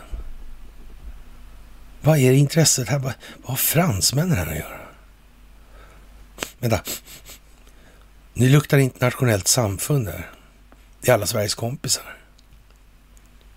Mm. Ja, ja, det måste vara så. Mm. Ja, vad var det de sa egentligen? Införande av de där överraskningsskift... Nej, ja, mom, mo, ja, överraskningsmoment var det. Förlåt, jag hörde fel. Ja, det var det va? I militära doktriner. Börjar folk ana eller börjar den politiska adeln ana vad det är för överraskning? De kanske rent av börjar ana inom vilket tidsspann överraskningen riskerar att komma. Ja. Vad är Stefan Löfven? We are not drunk yet. Mr State Secretary Kennedy. Men han är helt dum i huvudet. Vad sa han att han skulle göra efteråt förresten? Ja, som sagt, det är ÖB, överbefälhavaren det här handlar om, inte den forne statsministern. Och eh, ja, det är svårt att ta den här typen av uttryck på ja, någon som helst allvar uttryckte sig ÖB i Aktuellts studio och vi gör en beredskapsanpassning som går ut och går ut med ett par hundra soldater till vårt territorium för att försvara ön och vårt land.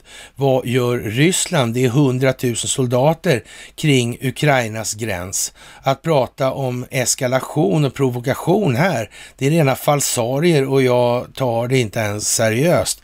Ja, jag vet inte. Numerärerna där och storlekarna på befolkningen och storlekarna på länderna och så vidare.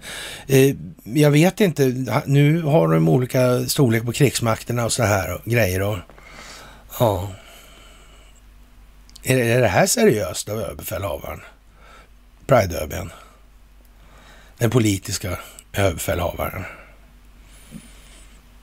Känns han som en kille man litar på om det blåser snålt och man måste se till landets bästa. Det är ingen risk att han säljer sig till försvarsindustrins intressen och sådana här då, eh, de företagsintressen som ligger bakom försvarsindustrin. Det skulle inte vara någon som helst risk för det tycker många då, eller? Är det någon överhuvudtaget som är så jävla dum som den tycker så? Jag tror faktiskt inte det längre. Jag tror nästan alla förstår det här nu. Man kan inte ha en underrättelsetjänstchef som sitter i dagens industri och uttalar sig om metoo det går inte. Är det nästa grej då ska hon hålla med om den här historien med att det är mäns våld mot kvinnor det här handlar om? Det fanns inga män inblandade i och för sig i det, men det är ju ändå alltså. Det, det, det är lämpligt. Det, det är den typen av omdömesgillhet vi ska ha på den typen av positioner i samhället. Och sen kommer vi då igen, det är ju liksom lite sarkastiska eller retoriska frågor i vart fall. Det, och, och sarkastiskt också naturligtvis. Men, men eh, ska vi ha den här typen av organisationer? Till vad? Ska de, vad ska vi ha dem till? Ja, och så vidare. Ni, ja, det är Ja, Kreml säger en massa saker, säger överbefälhavaren i alla fall, och det är en del i informationskriget då. Och ja, det är ju, det är inte bara Ukraina och Ryssland, det påverkar oss också i vårt område. Det finns en koppling till Arktis och Nordatlanten. Allting hänger ihop på något sätt, eller på något sätt ihop.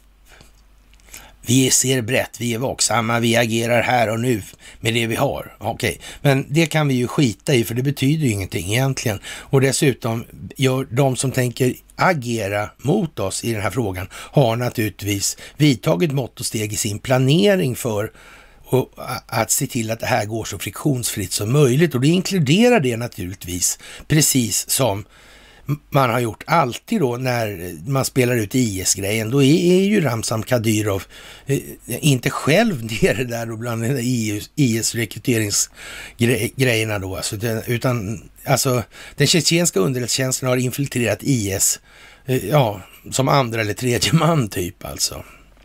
Om inte första man rent utav. När det hörsammades att det, det, ja, det håller på att ske nu. Ja, det, det kan ju vara så också. Ja. Och, och ska man göra ett invasionsföretag här, i den meningen, då ser man väl för fan till att ta den mest lättköpta militären i plånboken och säga så här, här blir det påfyllning grabben. Ja. och det andra alternativet, det behöver vi kanske inte tala om va?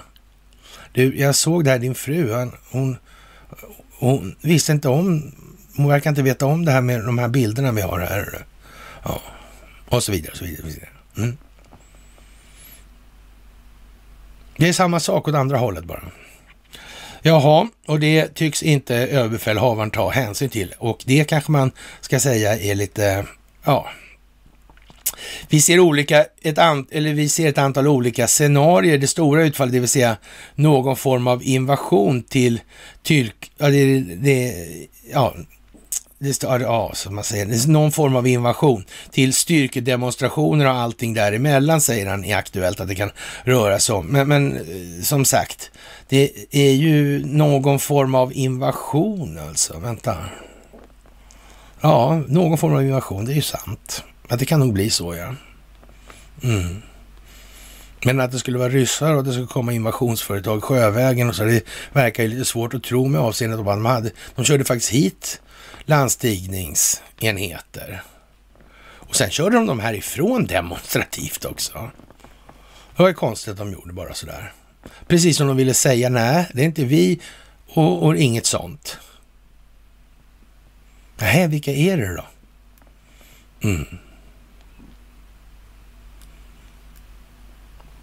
Sen kan man naturligtvis tänka sig en rad olika nyanser på det här för att skapa olika opinionsbildande effekter för en rad olika frågor i olika sammanhang och ur olika politiska perspektiv.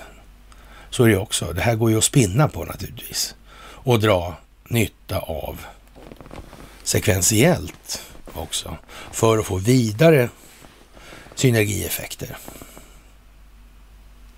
Och det är bra om man kommer ihåg det nu. Jaha, det är ju trevligt det där. Och eh, ja, jag vet inte. Man, man, får ju nästan hoppas att fler tar sitt förnuft i fånga så här på slutet. Alltså det, det är ju bra för alla om det blir så. Och, och det här jävla larviga spratt, sprattlandet kan få några begränsningar i vart fall. Hur som helst. Pegasus är på tapeten igen och det är fantastiska spion programmet då alltså. Och vi frågar jordblygt då när det handlar om Israel, alltså eh, det finns ingen rättslig grund för övervakning där heller då och här har man då alltså kommit på att man har då ja, israeliska medborgare har helt enkelt avlyssnats utan att det finns så att säga någon form av juridisk grund för det här, eller rättslig grund alltså. Det, det, det där har skett liksom lite är det där lämpligt egentligen? Och, och vi kommer tillbaka till den här Encrochatten och den här bevisningen och ojsan skojsan tror jag det var som uttalar sig i den frågan. Är, är det bra det här? Mm. Måste det inte finnas tillsyn över det? Är det ingen risk annars att det här korrumperas så att enskilda nyttomaximeringsintressen kommer in i den här ekvationen? Eller kan det vara så jävla illa nu när det här verkar ha förekommit överallt i princip obegränsat att man faktiskt använt det här för till exempel industrispionage som man anklagar alla andra för. Till exempel för att ta reda på affärer andra tänker göra för att gå in och skära emellan i förkant och sådär. Alltså när det gäller den här typen av affärsverksamhet överhuvudtaget så är det ju så att det är ju informationsfördelen som är avgörande för vem som kommer ur det där med det bättre resultatet. Så är det ju också. Och det kanske man ska komma ihåg alltså i det här. Och eh, ja, man, man får väl någonstans tänka sig att det här borde kanske Benjamin Netanyahu känna till. Och om det är så att han då ligger bakom då, eh, så att säga, den avlyssningen av eh, den israeliska befolkningen, så har han ju trots allt sagt någonting i det här.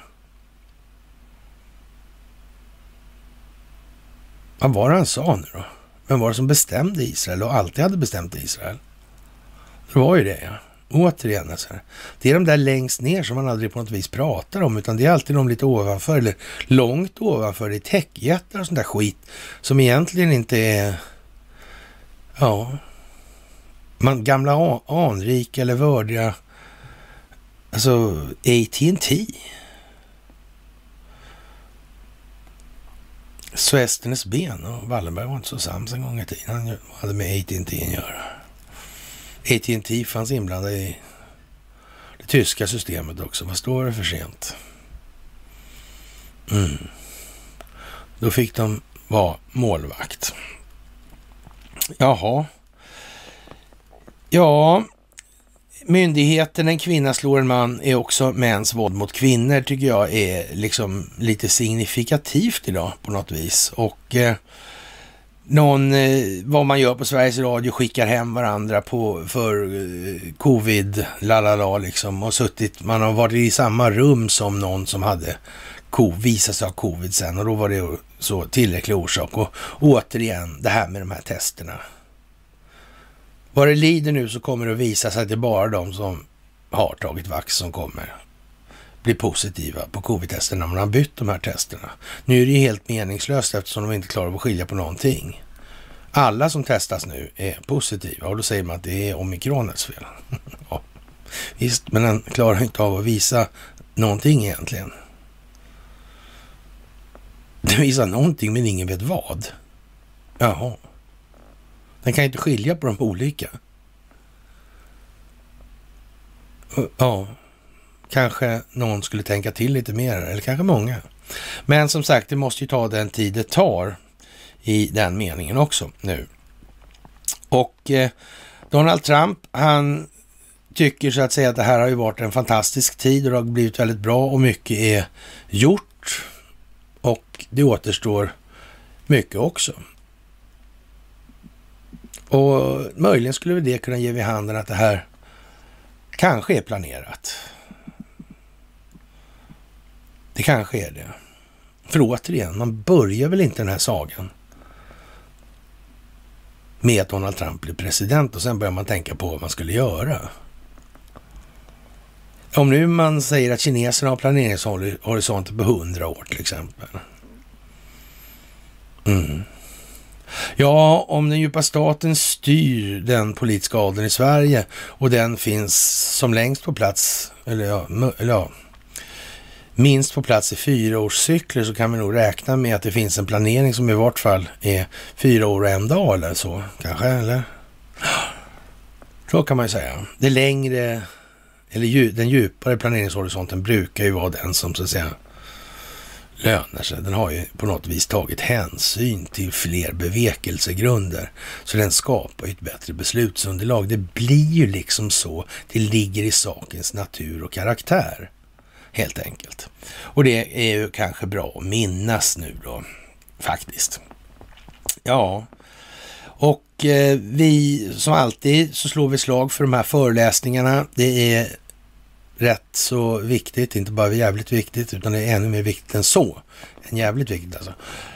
att man har grunderna klart för sig i de här sammanhangen. Det duger alltså inte att sitta och vänta på kosmoskatten. Det gör ju inte det. Sen kan man jama i mars bäst man vill alltså.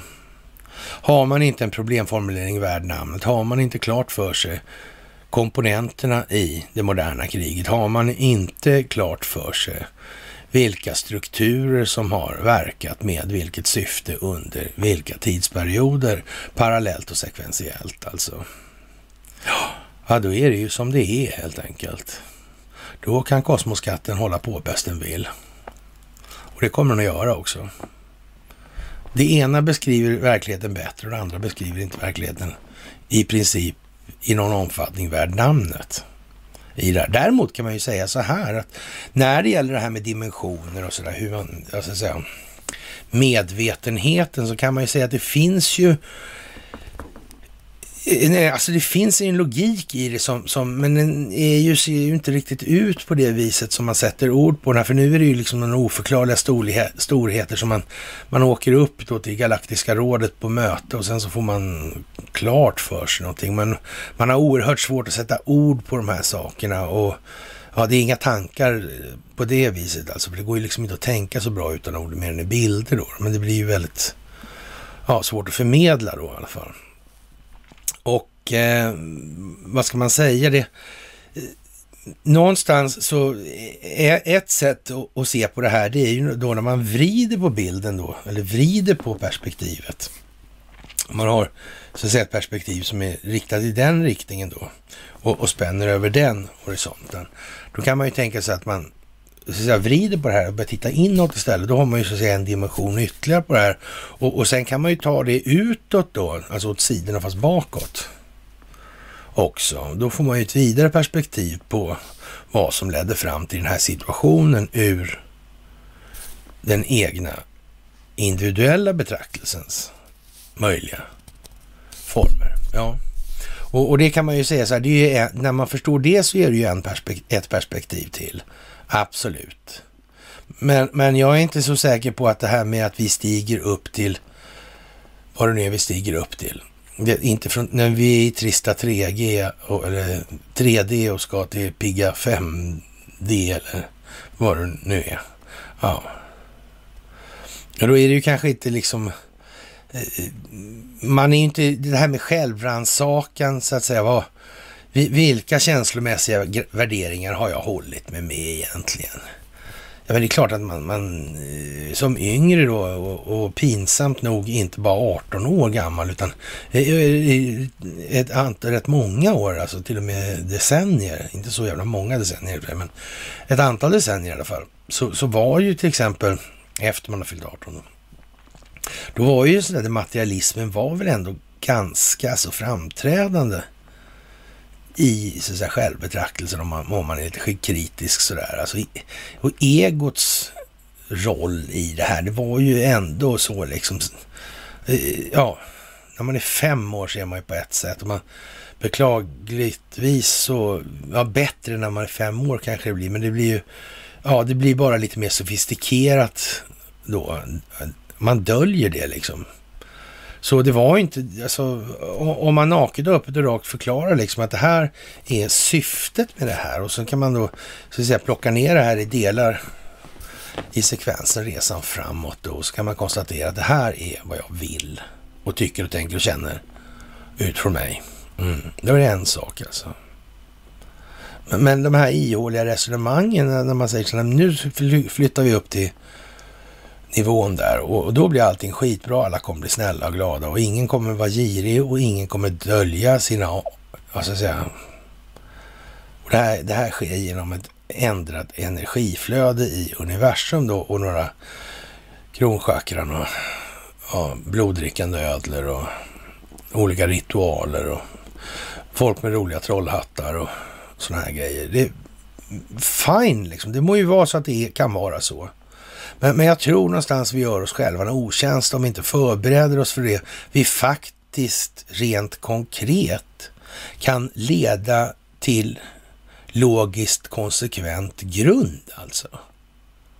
Det som vi så att säga resonemangsmässigt klarar av att redovisa.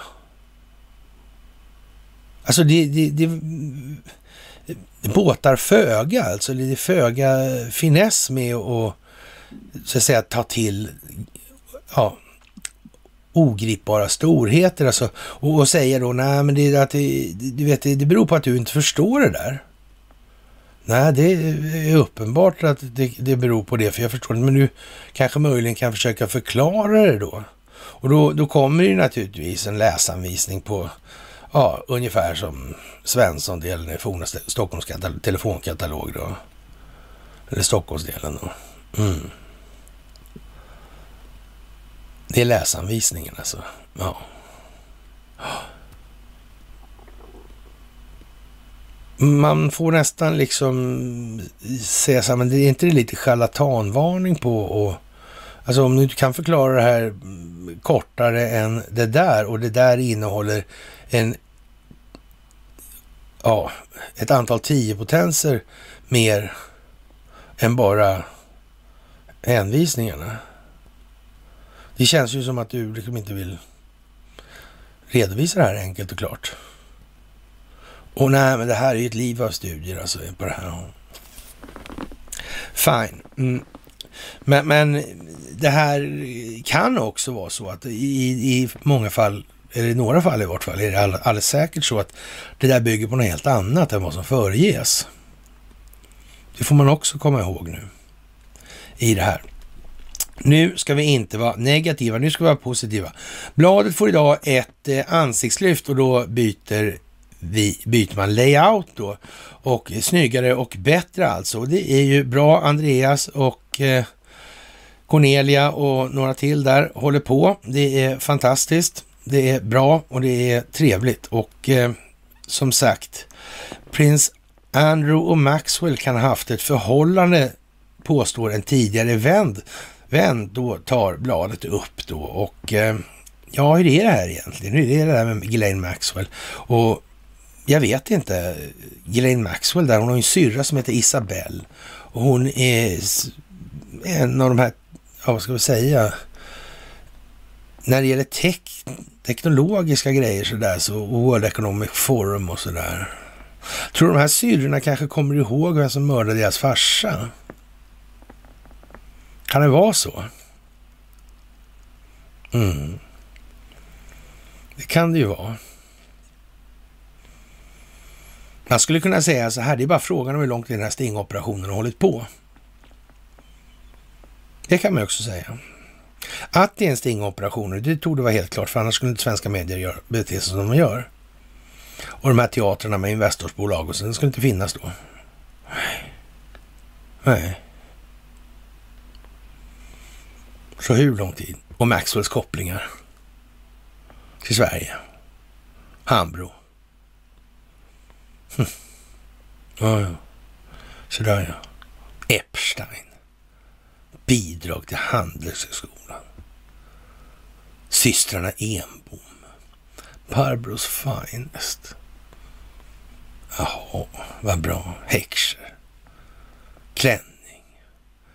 Freivalds Boström. Ingen känner varandra. Whatsoever. Nej.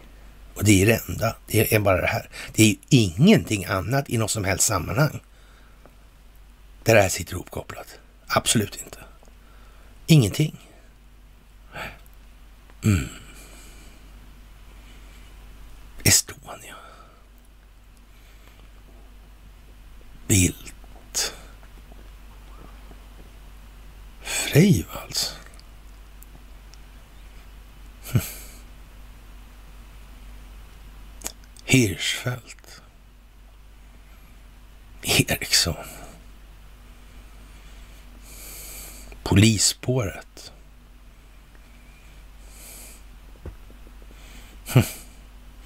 Ja, men det sitter inte ihop. Det har bara råkat bli så här. ja, det måste vara så då faktiskt. Jaha. Ja, ja, operatörerna i USA begränsar 5G utbyggnaden då, eller driftsättningen i alla fall, nära flygplatser på grund av risken. Det här har vi ju gått in på, det större ut instrumenten på flygplanen och hänvisar bland annat till att teknologin används i 40 andra länder utan problem då, tycker Verizon och AT&T som vi just har haft uppe här. Alltså, hur var det där egentligen? AT&T, vad de blev åtsagda av någon, sa Donald Trump. Var det inte så han sa? Jo, det var det faktiskt. Ja, jag ska inte hålla på och vara så retorisk. Och, och Verison, hur var det med det nu då? Det är han Westberg som var vd för Ericsson tidigare alltså. Mm -hmm. Hur kan det möjligen se ut där? ja, ja, ja, ja, ja, ja, men det är otydligt och inte alls klart. Så det är ingen som förstår. Jaha, en av Turkiets största oljepipelines har mystiskt exploderat. Och eh, som sagt, vi har ju sagt det flammar upp lite grann. Då är det mellan varven. Nu för tiden får man räkna med. Jaha, och sen går vi in på lite Stockholmsbyråkrati. 149 viktiga pandemimöten i regeringskansliet finns inga spår, inga protokoll, inga mötesanteckningar och inga loggar. Ja, är det konstigt? Varför är, varför är man förvånad? Det som man kan vara förvånad över däremot är att svenska folket fortfarande inte har fattat att Stockholmsbyråkratin har ett syfte och det är inte det allmännas bästa. Att det ska vara så jävla svårt att få in i pallet. Man tog bort tjänstemannaansvaret av en anledning. Och vad kan det vara? Jo, det var att korruptionen skulle kunna bestå. Ingenting annat. Men då hade man väl sagt det? Nej, det hade man inte. Det hade man inte gjort. Nej, nej, nej, nej, nej. Så. Det här är ju inte liksom den här naiviteten, eller det är ingen naivitet, för innerst inne så vet folk så. Det är intellektuell lättja, man orkar inte. Man har snackat så mycket utåt om det här och tagit ställning och måla in sig själv i ett socialpsykologiskt hörn. Och man vill inte framstå som, men du sa ju så här förut ju. Ja, ja, ja. Men vad sägs om att ställa sig upp och säga, ja, det var jävligt dumt gjort, jag visste egentligen bättre. Men ja, det är så jävla pinsamt att behöva visa att man är så jävla illa ute, så det är, ja, så. Men stå upp för det man har gjort åtminstone. Men gör åtminstone om och gör åtminstone rätt. Det är ta med fan inte för mycket begärt om man ska vara vuxen i det här landet. Jag menar om folk ska få rösta till exempel. Ja, ja, sitta och trycka på knappar liksom. Mm, jaha. Vad, vad ska man vara medveten om man röstar för? Då? Det är bara att trycka på knappar liksom. Ja. Ja. Det här handlar om folkbildning, det handlar om upplysning. Det handlar om ledning till upplysning, till vidare ledning och upplysning. Det handlar om att individen ska utvecklas. Det handlar om att det är den enda grunden som faktiskt gör att samhället kan utvecklas i det här. Och ju mer individen utvecklas, desto mer konsensus kommer det att bli. Så är det också. Det är liksom inget annat. Den växande medvetna medvetenheten är den enda garanten för samhällets fortlevnad. Att det ska vara så svårt att förstå för så många under så lång tid. Ja, det beror på att man har motverkat det med alla möjliga medel. Och det måste vi minnas faktiskt. Jaha, det är dags naturligtvis att eh, prata om, eh, ja, vad ska vi säga, börsen då. Det är ju viktigt naturligtvis. Pengarna, det är plånboken och så vidare. Och den här cirkusen som håller på, det är ju naturligtvis bara, det är bara teater. Och det är svårt att se att det här ska bli jättebra för jättemånga. Och eh, vi har sagt det under lång, lång, lång, lång tid, ända från faktiskt eh, valet 2020, så har vi sagt att det här kommer att bli så här nu. Ja, ungefär där vi befinner oss. Det här kan inte vara på det här viset. Alltså, Och det här måste exponeras, det, det, sa vi inte då. På det viset att det måste exponeras allting ända ner och att det var så himla ruttet, för det kunde inte vi se. Det är ju så också. Vi trodde att det här skulle exponeras snabbare naturligtvis. Men, men det är klart att, ja, tänk efter lite så ser man ju att det här går ju inte att ta bort den djupa staten i Kina om inte den djupa staten i USA är beskuren. Det går heller inte att ta bort den djupa staten i Ryssland i en tillräcklig utsträckning om inte den djupa staten i, eller i USA är beskuren. Och så vidare i det här. Det här är koordinerat. Och det hade vi ju så att säga en, en, men vi kunde inte aldrig veta hur mycket det var på det viset, så hur lång tid det skulle gå. Därför är ju den här bilden, även om den är väldigt gammal då med de här som samarbetar, för det visste vi på en gång och vi visste ju på en gång naturligtvis att det är de övergripande strukturerna som så att säga har använts av och av globalistintressena som verktyg då, eller transportmedel för att åstadkomma den här situationen. De är ju vad de är och, och som sagt, att man visste att det här var skuldmättat redan, eller skulle bli skuldmättat, det visste man ju liksom, ja det blev på 1300-talet liksom. Nej, nej, ja, det visste man innan dess, och det var visst sumeriskt, det, är som, det har aldrig varit något snack om något annat alltså. Och sen har det ju bara frågan om att varit frågan om att hitta någon form av politisk kosmetika för att trovärdiggöra de här haverierna då, som ovillkorligen måste komma. Och sen har man ju då inom religionen haft då eh, jubelår och sådana här grejer och ja, så vidare. Ja, och som sagt, ultraprocessad mat är farligare än folk tror enligt forskningen och det är ju lite sådär eh, anmärkningsvärt och Livsmedelsverket naturligtvis borde ju hålla på med rekommendationer om vad är egentligen, och det här ska ju inte vara någonting som finansieras av någon jävla matindustri liksom. Såklart inte. Det här ska också bygga på den långsiktigt hållbara utvecklingen för samhället och ingenting annat. Det är ju fan helt självklart i den delen. Ja, men nu är det inte så. Undra varför och varför ingen har sagt något. Det kanske speglar någonting det också. Vem vet, vem vet? Ja, det är ju lite trist kanske. När den här fantastiska Stockholmsbyråkratin eh, börjar få ge sig till känna nu så kan man säga så här att Eh, vänta med tredje sprutan om du nyligen haft covid-19 lyder rekommendationen i flera länder just nu. I Sverige rekommenderas att man fortsättningsvis tar den tredje dosen direkt efter man tillfrisknat. Om man väntar två månader, två till tre månader, är det väldigt låg risk att immuniteten skulle behöva förstärkas med vaccination, säger Joakim Dillner, professor i info infektionsepidemiologi vid Karolinska institutet. Jag vet inte ens om man ska behöva förklara det här. Det känns liksom dumt. Det känns lite dumt, så jag tycker vi hoppar över det. Det får man faktiskt ta och tänka till själva. Det där kan inte, det där kan inte vara för, för svårt att fatta nu alltså. Fan heller. Då får man läsa långsamt, långsamt och så tar man ännu mer långsamt och tänka om man inte förstår det här. Nu säger de det ju rakt ut alltså. Ja, och det är ju speciellt alltså. Och när det gäller det här med ekonomin så tycker Xi Jinping, då kinesiska presidenten, att eh, Federal Reserve borde faktiskt eh, kamma till sig. Man höjer inte räntorna. Och ja, han varnar för allvarliga negativa spridningseffekter ifall stora ekonomier tvärbromsar och lägger om sin penningpolitik. Det skulle innebära utmaningar för den globala ekonomiska och finansiella stabiliteten i utvecklingsländerna. Och då skulle man få börja merparten av den bördan, säger den kinesiska presidenten. Och jag vet inte, är det liksom svårt att förstå? Det är ju ingen idé att haverera det här på det viset. För det är ju inte så att om man har problem med den ackumulerade räntekostnaden i ekonomin, även om det här är teater då så att säga.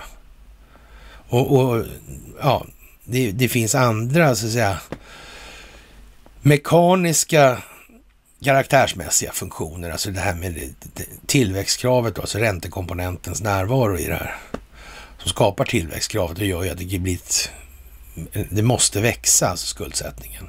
Mm. Hastigheten på pengar går liksom inte att köra hur snabbt som helst. Det, det, det får man fan fatta också. Så här. Även om det är många som tar det liksom lite, lite larviga argumentet och, och försöker den då, så tror man är idiot. Då, alltså, man, alltså, då får man vara lite lätt överseende när det, när det börjar komma då sådär. Ja, så det, det, ja, då behöver vi, då är man ju som Björn Söderbanan kan man ju väl lite elakt säga då. Vad är det för bana? Ja, men det, det räcker med en krona om, du, om hastigheten kan öka för, sådär mycket. Då behöver vi bara en enda krona. Vad är problemet liksom? Det gäller bara att få den att snurra tillräckligt snabbt. Eller så är det ju inte så då. Sådär. Ja, men, men ja, vi ska inte hålla på för mycket heller. Jaha, och eh, det går ju som sagt inte så bra för börserna i de här sammanhangen. Så, så var vi tillbaka till den här ojsan skojsan och den här Trojan Shield som man använde när man då tog alla de här kriminella gängen och sådär. Hur är det egentligen? Är det lämpligt att det här eh, ska hålla på på det här viset? Det är ingen risk att det här missbrukas, att andra länder har sådana här domstolar för det här.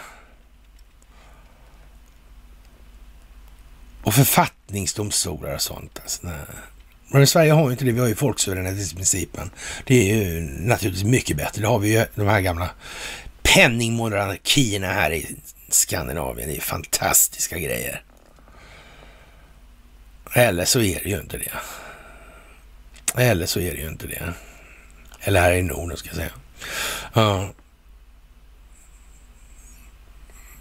Vad kan det här sluta i? De här rättssystemen är vad de är. Och därför ser det ut som det gör nu, skulle man kunna säga. Hade inte de här rättssystemen sett ut som de gör så hade den här situationen aldrig kunnat uppstå. De här rättssystemen, vi har pratat om det idag, har medger massa saker. Finansinspektionens roll här, penningtvätthärvor, Ericsson, immaterialrätt och så vidare. Sverige är fantastiskt. Eller inte alls. Kanske. Det får man väl tänka på. Och de här drönarna. Och då menar vi inte de tankemässigt inte så aktiva människorna som utgör den svenska befolkningen. Nej, utan vi pratar om det som sum, surrar upp i luften. Var är bilderna? Var är bilderna?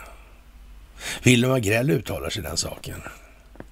Han säger att det är någon som vill eh, ge ett intryck. Alla fattar ju faktiskt att det är, har man en stor drönare som kan bära last, som kan komma nära skyddsobjekt, då kan den ställa till förtret också. Så är det också. Ja. Vem är det egentligen som ligger bakom den här? Det här är ju rena förnedringshistorien. Kan man ju tänka på. Mm. Hur var det här? Blev det någon rysk invasion eller? Nej, nej, jag vet inte.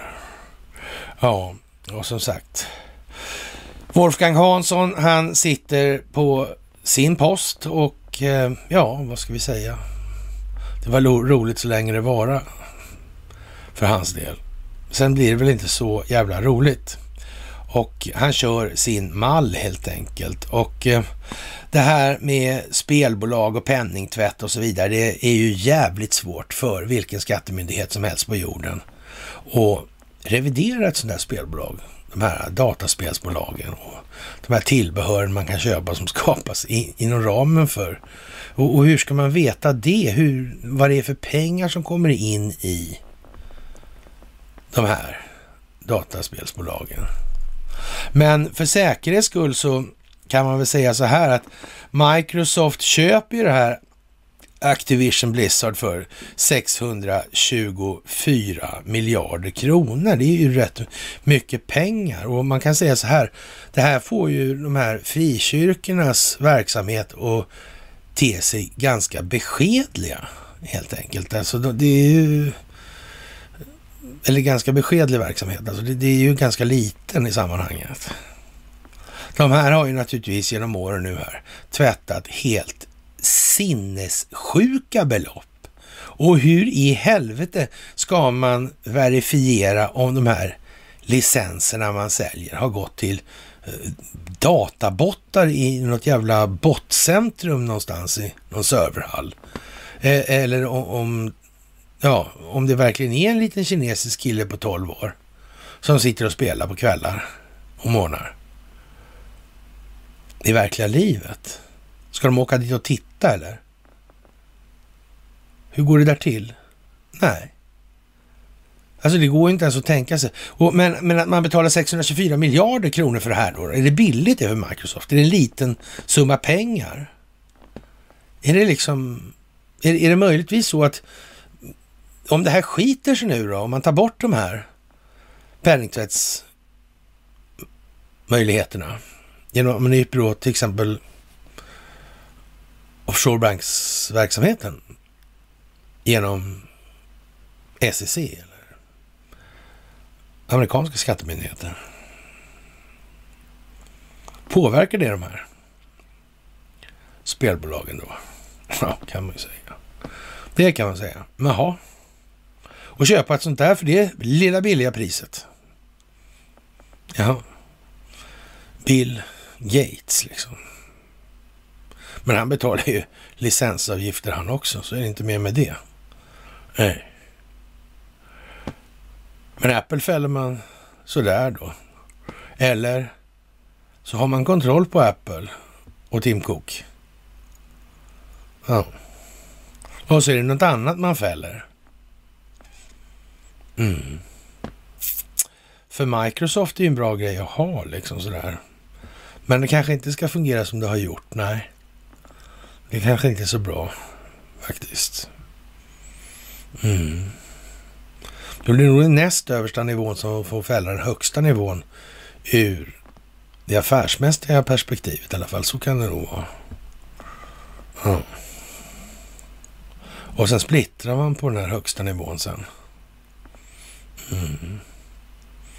Och sen sätter man de här, som står ett par stycken sådana här kvar då, då, så sätter man dem under allmänt fögderi och tillsyn, till exempel. Så skulle man kunna göra. Det skulle kunna vara ett sätt. Faktiskt. Jaha, och eh, ja, om eh, Ryssland anfaller Ukraina så kommer naturligtvis, eh, ja, Tyskland och säga stopp till det här med Nord Stream och eh, det finns ju en variant på det där till då, men det finns ju ett antal investerare till i Nord Stream naturligtvis. Och det är klart att kan man köpa någonting billigt så gör man ju det. Och kan man spela lite politisk teater innan. Det har man gjort förr i de här sammanhangen med det där landet, Tyskland. Det handlade om Skodaverket Drexler den gången. Mm, och jag har berättat om det förut på Mys för många år sedan. Jag har berättat om det flera gånger faktiskt. Förvärvet av Skodaverket Drexler och Fritz Termer. Och det förvärvar man alltså. Börjar man försöka det, eller man börjar den teatern på 20-talet redan alltså. Om det var 26. Mm. Det slutfördes 38. Och allting som skedde däremellan var planerat. Två gånger ville Skodeverket Rexler inte sälja. Den tredje gången kom Adolf Hitler och började skramla. Då hörde Skodeverket Rexler av sig till Termer och sa vi vill eh, sälja, men jag vill inte köpa. Han var I. Farben då alltså, tillhörde I. Farben. Ja, det får bli bra billigt om jag ska köpa det här. Och tack vare de här två gångerna han hade försökt köpa det tidigare, men då Skodeverket Rexler hade sagt nej, så ja, det här med återvinningen vart som det vart helt enkelt. Det gick ju inte att göra så mycket åt den saken. Och risken var ju ändå att Termer och de här skulle skvallra av sig. Nej, det går inte för sig det där. Och hur var det egentligen med Schmitz där? För IG Farmens räkning. Anstiftarna av världskrig i princip då. 60 miljoner döda. Fyra hela år på kåken. Och en del åkte ju inte in alls som bekant. Det fanns det för mycket papper på. Eller bakom. Det gick inte. Nej. Som sagt, det känns igen alltså. Så historien går igen. Lustigt nog, det är lite komik i det här också. I den meningen faktiskt. Det är pinsamt annars då. Men... Och eh, ja, det kommer att bli en helt otrolig vecka som tar slut nu. Och det kommer att bli ännu mer speciellt framgent alltså. Och Eh, i USA har vi sagt då att det här med valet är ju vad som kommer att ta väldigt stort utrymme nu, drar det ihop sig lite sådär andningsmässigt och då Wendy Rogers där från Arizona när hon snackar bara Trump-rallyt, hon, ja, hon är klar nu och och eh, för att avcertifiera det här valet. Men det ska så att säga göras i den ordning som skapar de mest effektiva effekterna för utvecklingen i stort. Och det här kritiska tidpunkten med ett års punkten då runt klockan sju imorgon kväll för svensk tid alltså. Det är ju vad det är då. Faktiskt. Och Eh, nu vet nu är inte jag exakt säker på att det blir den tiden, men det är i alla fall. Det är imorgon när det nu är i alla fall. Det är 20 imorgon. Så, så ja, och eh, vi får väl hoppas att det blir lite speciellt. Det här fina bolaget som man köper då från, eller Activision Blizzard då, som eh, man köper från Microsofts sida då. Det, det, är ju liksom, eh, ja, har sparkat eller tvingat bort mer än tre dussin anställda och tagit, vidtagit disciplinära åtgärder mot ett 40-tal medarbetare sedan juli. Detta efter rapporter bland annat Wall Street Journal om övergrepp och en företagskultur som missgynnat kvinnliga fast eller kvinnliga anställda under flera års tid. Alltså bolaget har dessutom tagit, ut 700, tagit emot 700, över 700 anmälningar om missförhållande uppger nyhetsbyrån Bloomberg. En företrädare för Activision Blizzard bekräftar uppgifterna om hur många har fått gå från bolaget, men dementerar uppgifterna om antalet anmälningar alltså. Och eh, det här är känt för World of Warcraft och Call of Duty till exempel. Och, och ja, enligt folk som jobbar då i den här branschen då så är det närmast otroligt att den verksamhet som bedrivs på de här företagen i, har någon som helst koppling till den intäktssida som man visar upp. Det här måste ju bero på något annat då alltså. Faktiskt. Mm. Ja. Och det är sådana bolag som ändå är underleverantörer till de här, det här företaget då är ju lite sådär udda. Det är många som undrar hur det egentligen fungerar. Många har ju faktiskt kommit på att det här måste ju vara något annat, som till exempel att man tvättar pengar. Det har man kommit på flera håll alltså. Ja. ja, det är väl lite sådär. Ja, Carl Bildt han har lite otur med sina, mm, vad ska man säga, eh, ja, jag höll på att säga handen i byxfickan, men ja, telefonen i byxfickan i alla fall. Och det har ju den här ledningen som pajade där, alltså det var mycket kukikuruskus, eller ja, och så, så här, ja. Det är ju lite så. Ja, jag vet inte. Vi får väl se vad det blir av det, den saken. Carl Bildt, han kommer nog att få träffa på det amerikanska militära rättssystemet vad det lider. Det ser väl ut som att han i alla fall har haft fingrarna i Dominion vid ett eller flera tillfällen och eh, så vidare. Han har haft fingrarna i Balkan så det räcker och blir över också i både Dominion och i andra sammanhang, eller ur andra perspektiv ska vi väl säga sådär. Och Apple har som sagt återigen stämt och nu har stämningarna uppe och det är ju liksom, vad ska man säga, har man patenten i ett bolag och telekominfrastrukturen i annat. Apple hävdar ju att det här är rena utpressningsfasoner som man håller på med. Och ja, det är ju bara så. Och det går ju inte om man inte har monopol. Det går ju inte. Hur ska det gå till? Om det fanns en marknad värd namnet så hade ju Apple och de här gått till en annan leverantör såklart. Det är väl ingenting att diskutera om. Men det är ju det att det är samma sak med AT&T. Vem är det som säger åt AT&T vad de ska göra angående OAN där? Ja. Det är bara som det är nu. Det, jag vet, det är klart att det måste bli lite tydligare eller mer tydligt. Men, men, men i, i, stort så är det ju så att det, det, är så tydligt som det behöver bli. Va? Och när, när Ann Linde är så här fräsig på de här presskonferenserna och säger att vi, vi är inte neutrala, vi är alliansfria. Ja, men då är det ju så. Mm. Det här kommer att bli väldigt dramatiskt för svensk vidkommande. Det är alldeles säkert alltså. Och eh, ja, många tycker då att journalistiken om hotet från Ryssland är oanständigt ensidig och eh, ja, vilka tjänar mest på det kalla, krig, kalla krigets uppkomst egentligen? Och det, det, finns ju en rad olika argument för, för, varför det ser ut som det gör nu. Och det går liksom inte att hitta ett enda som har bäring på vad den politiska adeln förmedlar eller vad våra tidningar förmedlar i så mått. Då. Och eh, när man i Dagens Nyheter är tvungen att liksom eh, börja liksom hålla på som att skriva som att det känns som att världen styrs av tonåringar som dessutom har extra mycket hormoner i kroppen. Det är en mardröm va? Och, och avsluta den, den artikeln då på, i Dagens Nyheter, men ja, så att säga, man släcker ner söndagskvällen efter helgen, stöveltramp och minst den unge mannen från dokumentärfilmen. Det är en mardröm. Ja, ger det sig inte förrän vi har ett nytt krig i Europa liksom. Och det, ja, vad ska vi säga? Man måste dra de vinklar och perspektiv på saker som krävs nu. Man måste få med så många som möjligt, hur jävla inpantade de än sitter med sina känslogrunder och värderingar. Man måste få folk att reagera. Man måste få folk att tänka efter. Och det är ju inte mycket att, be för heller i den här meningen. Det är uppenbart. Vi ser hur den här konflikten inom islam håller på att lappa ihop sig av någon anledning. Det finns ingen motor kvar för att hålla isär dem längre, eller för att separera dem, för att partisera, för att polarisera, för att skapa konflikter. Nej, det finns inte kvar. Den djupa staten har inte den kraften längre.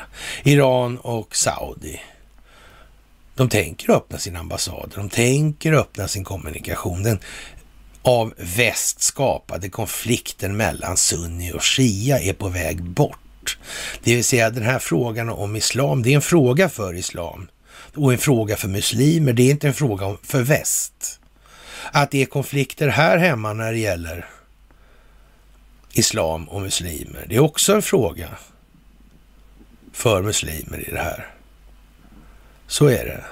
Men man ska ha riktigt klart för sig att när det gäller konflikterna så är de underblåsta av precis samma gamla vanliga part som har exploaterat de här religionerna då, religionsyttringarna hela tiden. Så är det också.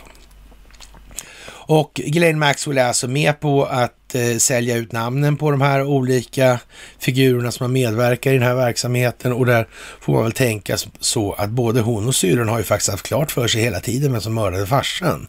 Så det har inte varit kanske hur svårt som helst heller att använda det här och spela in det, vad som har hänt hela tiden. Ja. Och att Epstein är död och begraven och ja. Det kan ju mycket väl vara så att de senaste årens verksamhet har bedrivits eller under, under lång tid har bedrivits. Ja, och naturligtvis är det ju så att det är en brottsprovokation enligt amerikansk lagstiftning då i så motto. Och vem vet, det kanske till och med finns FISA domstolsbeslut på en jävla massa saker. Helt enkelt i det här. Mm. Och man till och med såg hur förfalskningarna skulle komma. Och sen kom de. Mm. Man kanske hade läst den här artikeln i Wall Street Journal om Russiagate. Och eh, ja, Golden Shower-svängen där på ett ryskt hotell och så vidare som den innehöll. Den var mycket äldre än vad historien var. Tänk vad konstigt. Ja, man vet ju inte. Det vet man ju inte. Flera unga här i Sverige vill bli av med sina diagnoser och det kan man ju faktiskt eh, förstå. Det är dags nu att ställa sig upp. Det är dags att ta ansvar för sina egna tankar och känslor. Det finns inget annat. Det är mycket som händer. Vi måste förstå att vi kan inte sitta kvar med samma mindset när utvecklingen i omvärlden går med en snabbare hastighet än någonsin tidigare under människans historia. Det är hål i huvudet om man gör det. Faktiskt.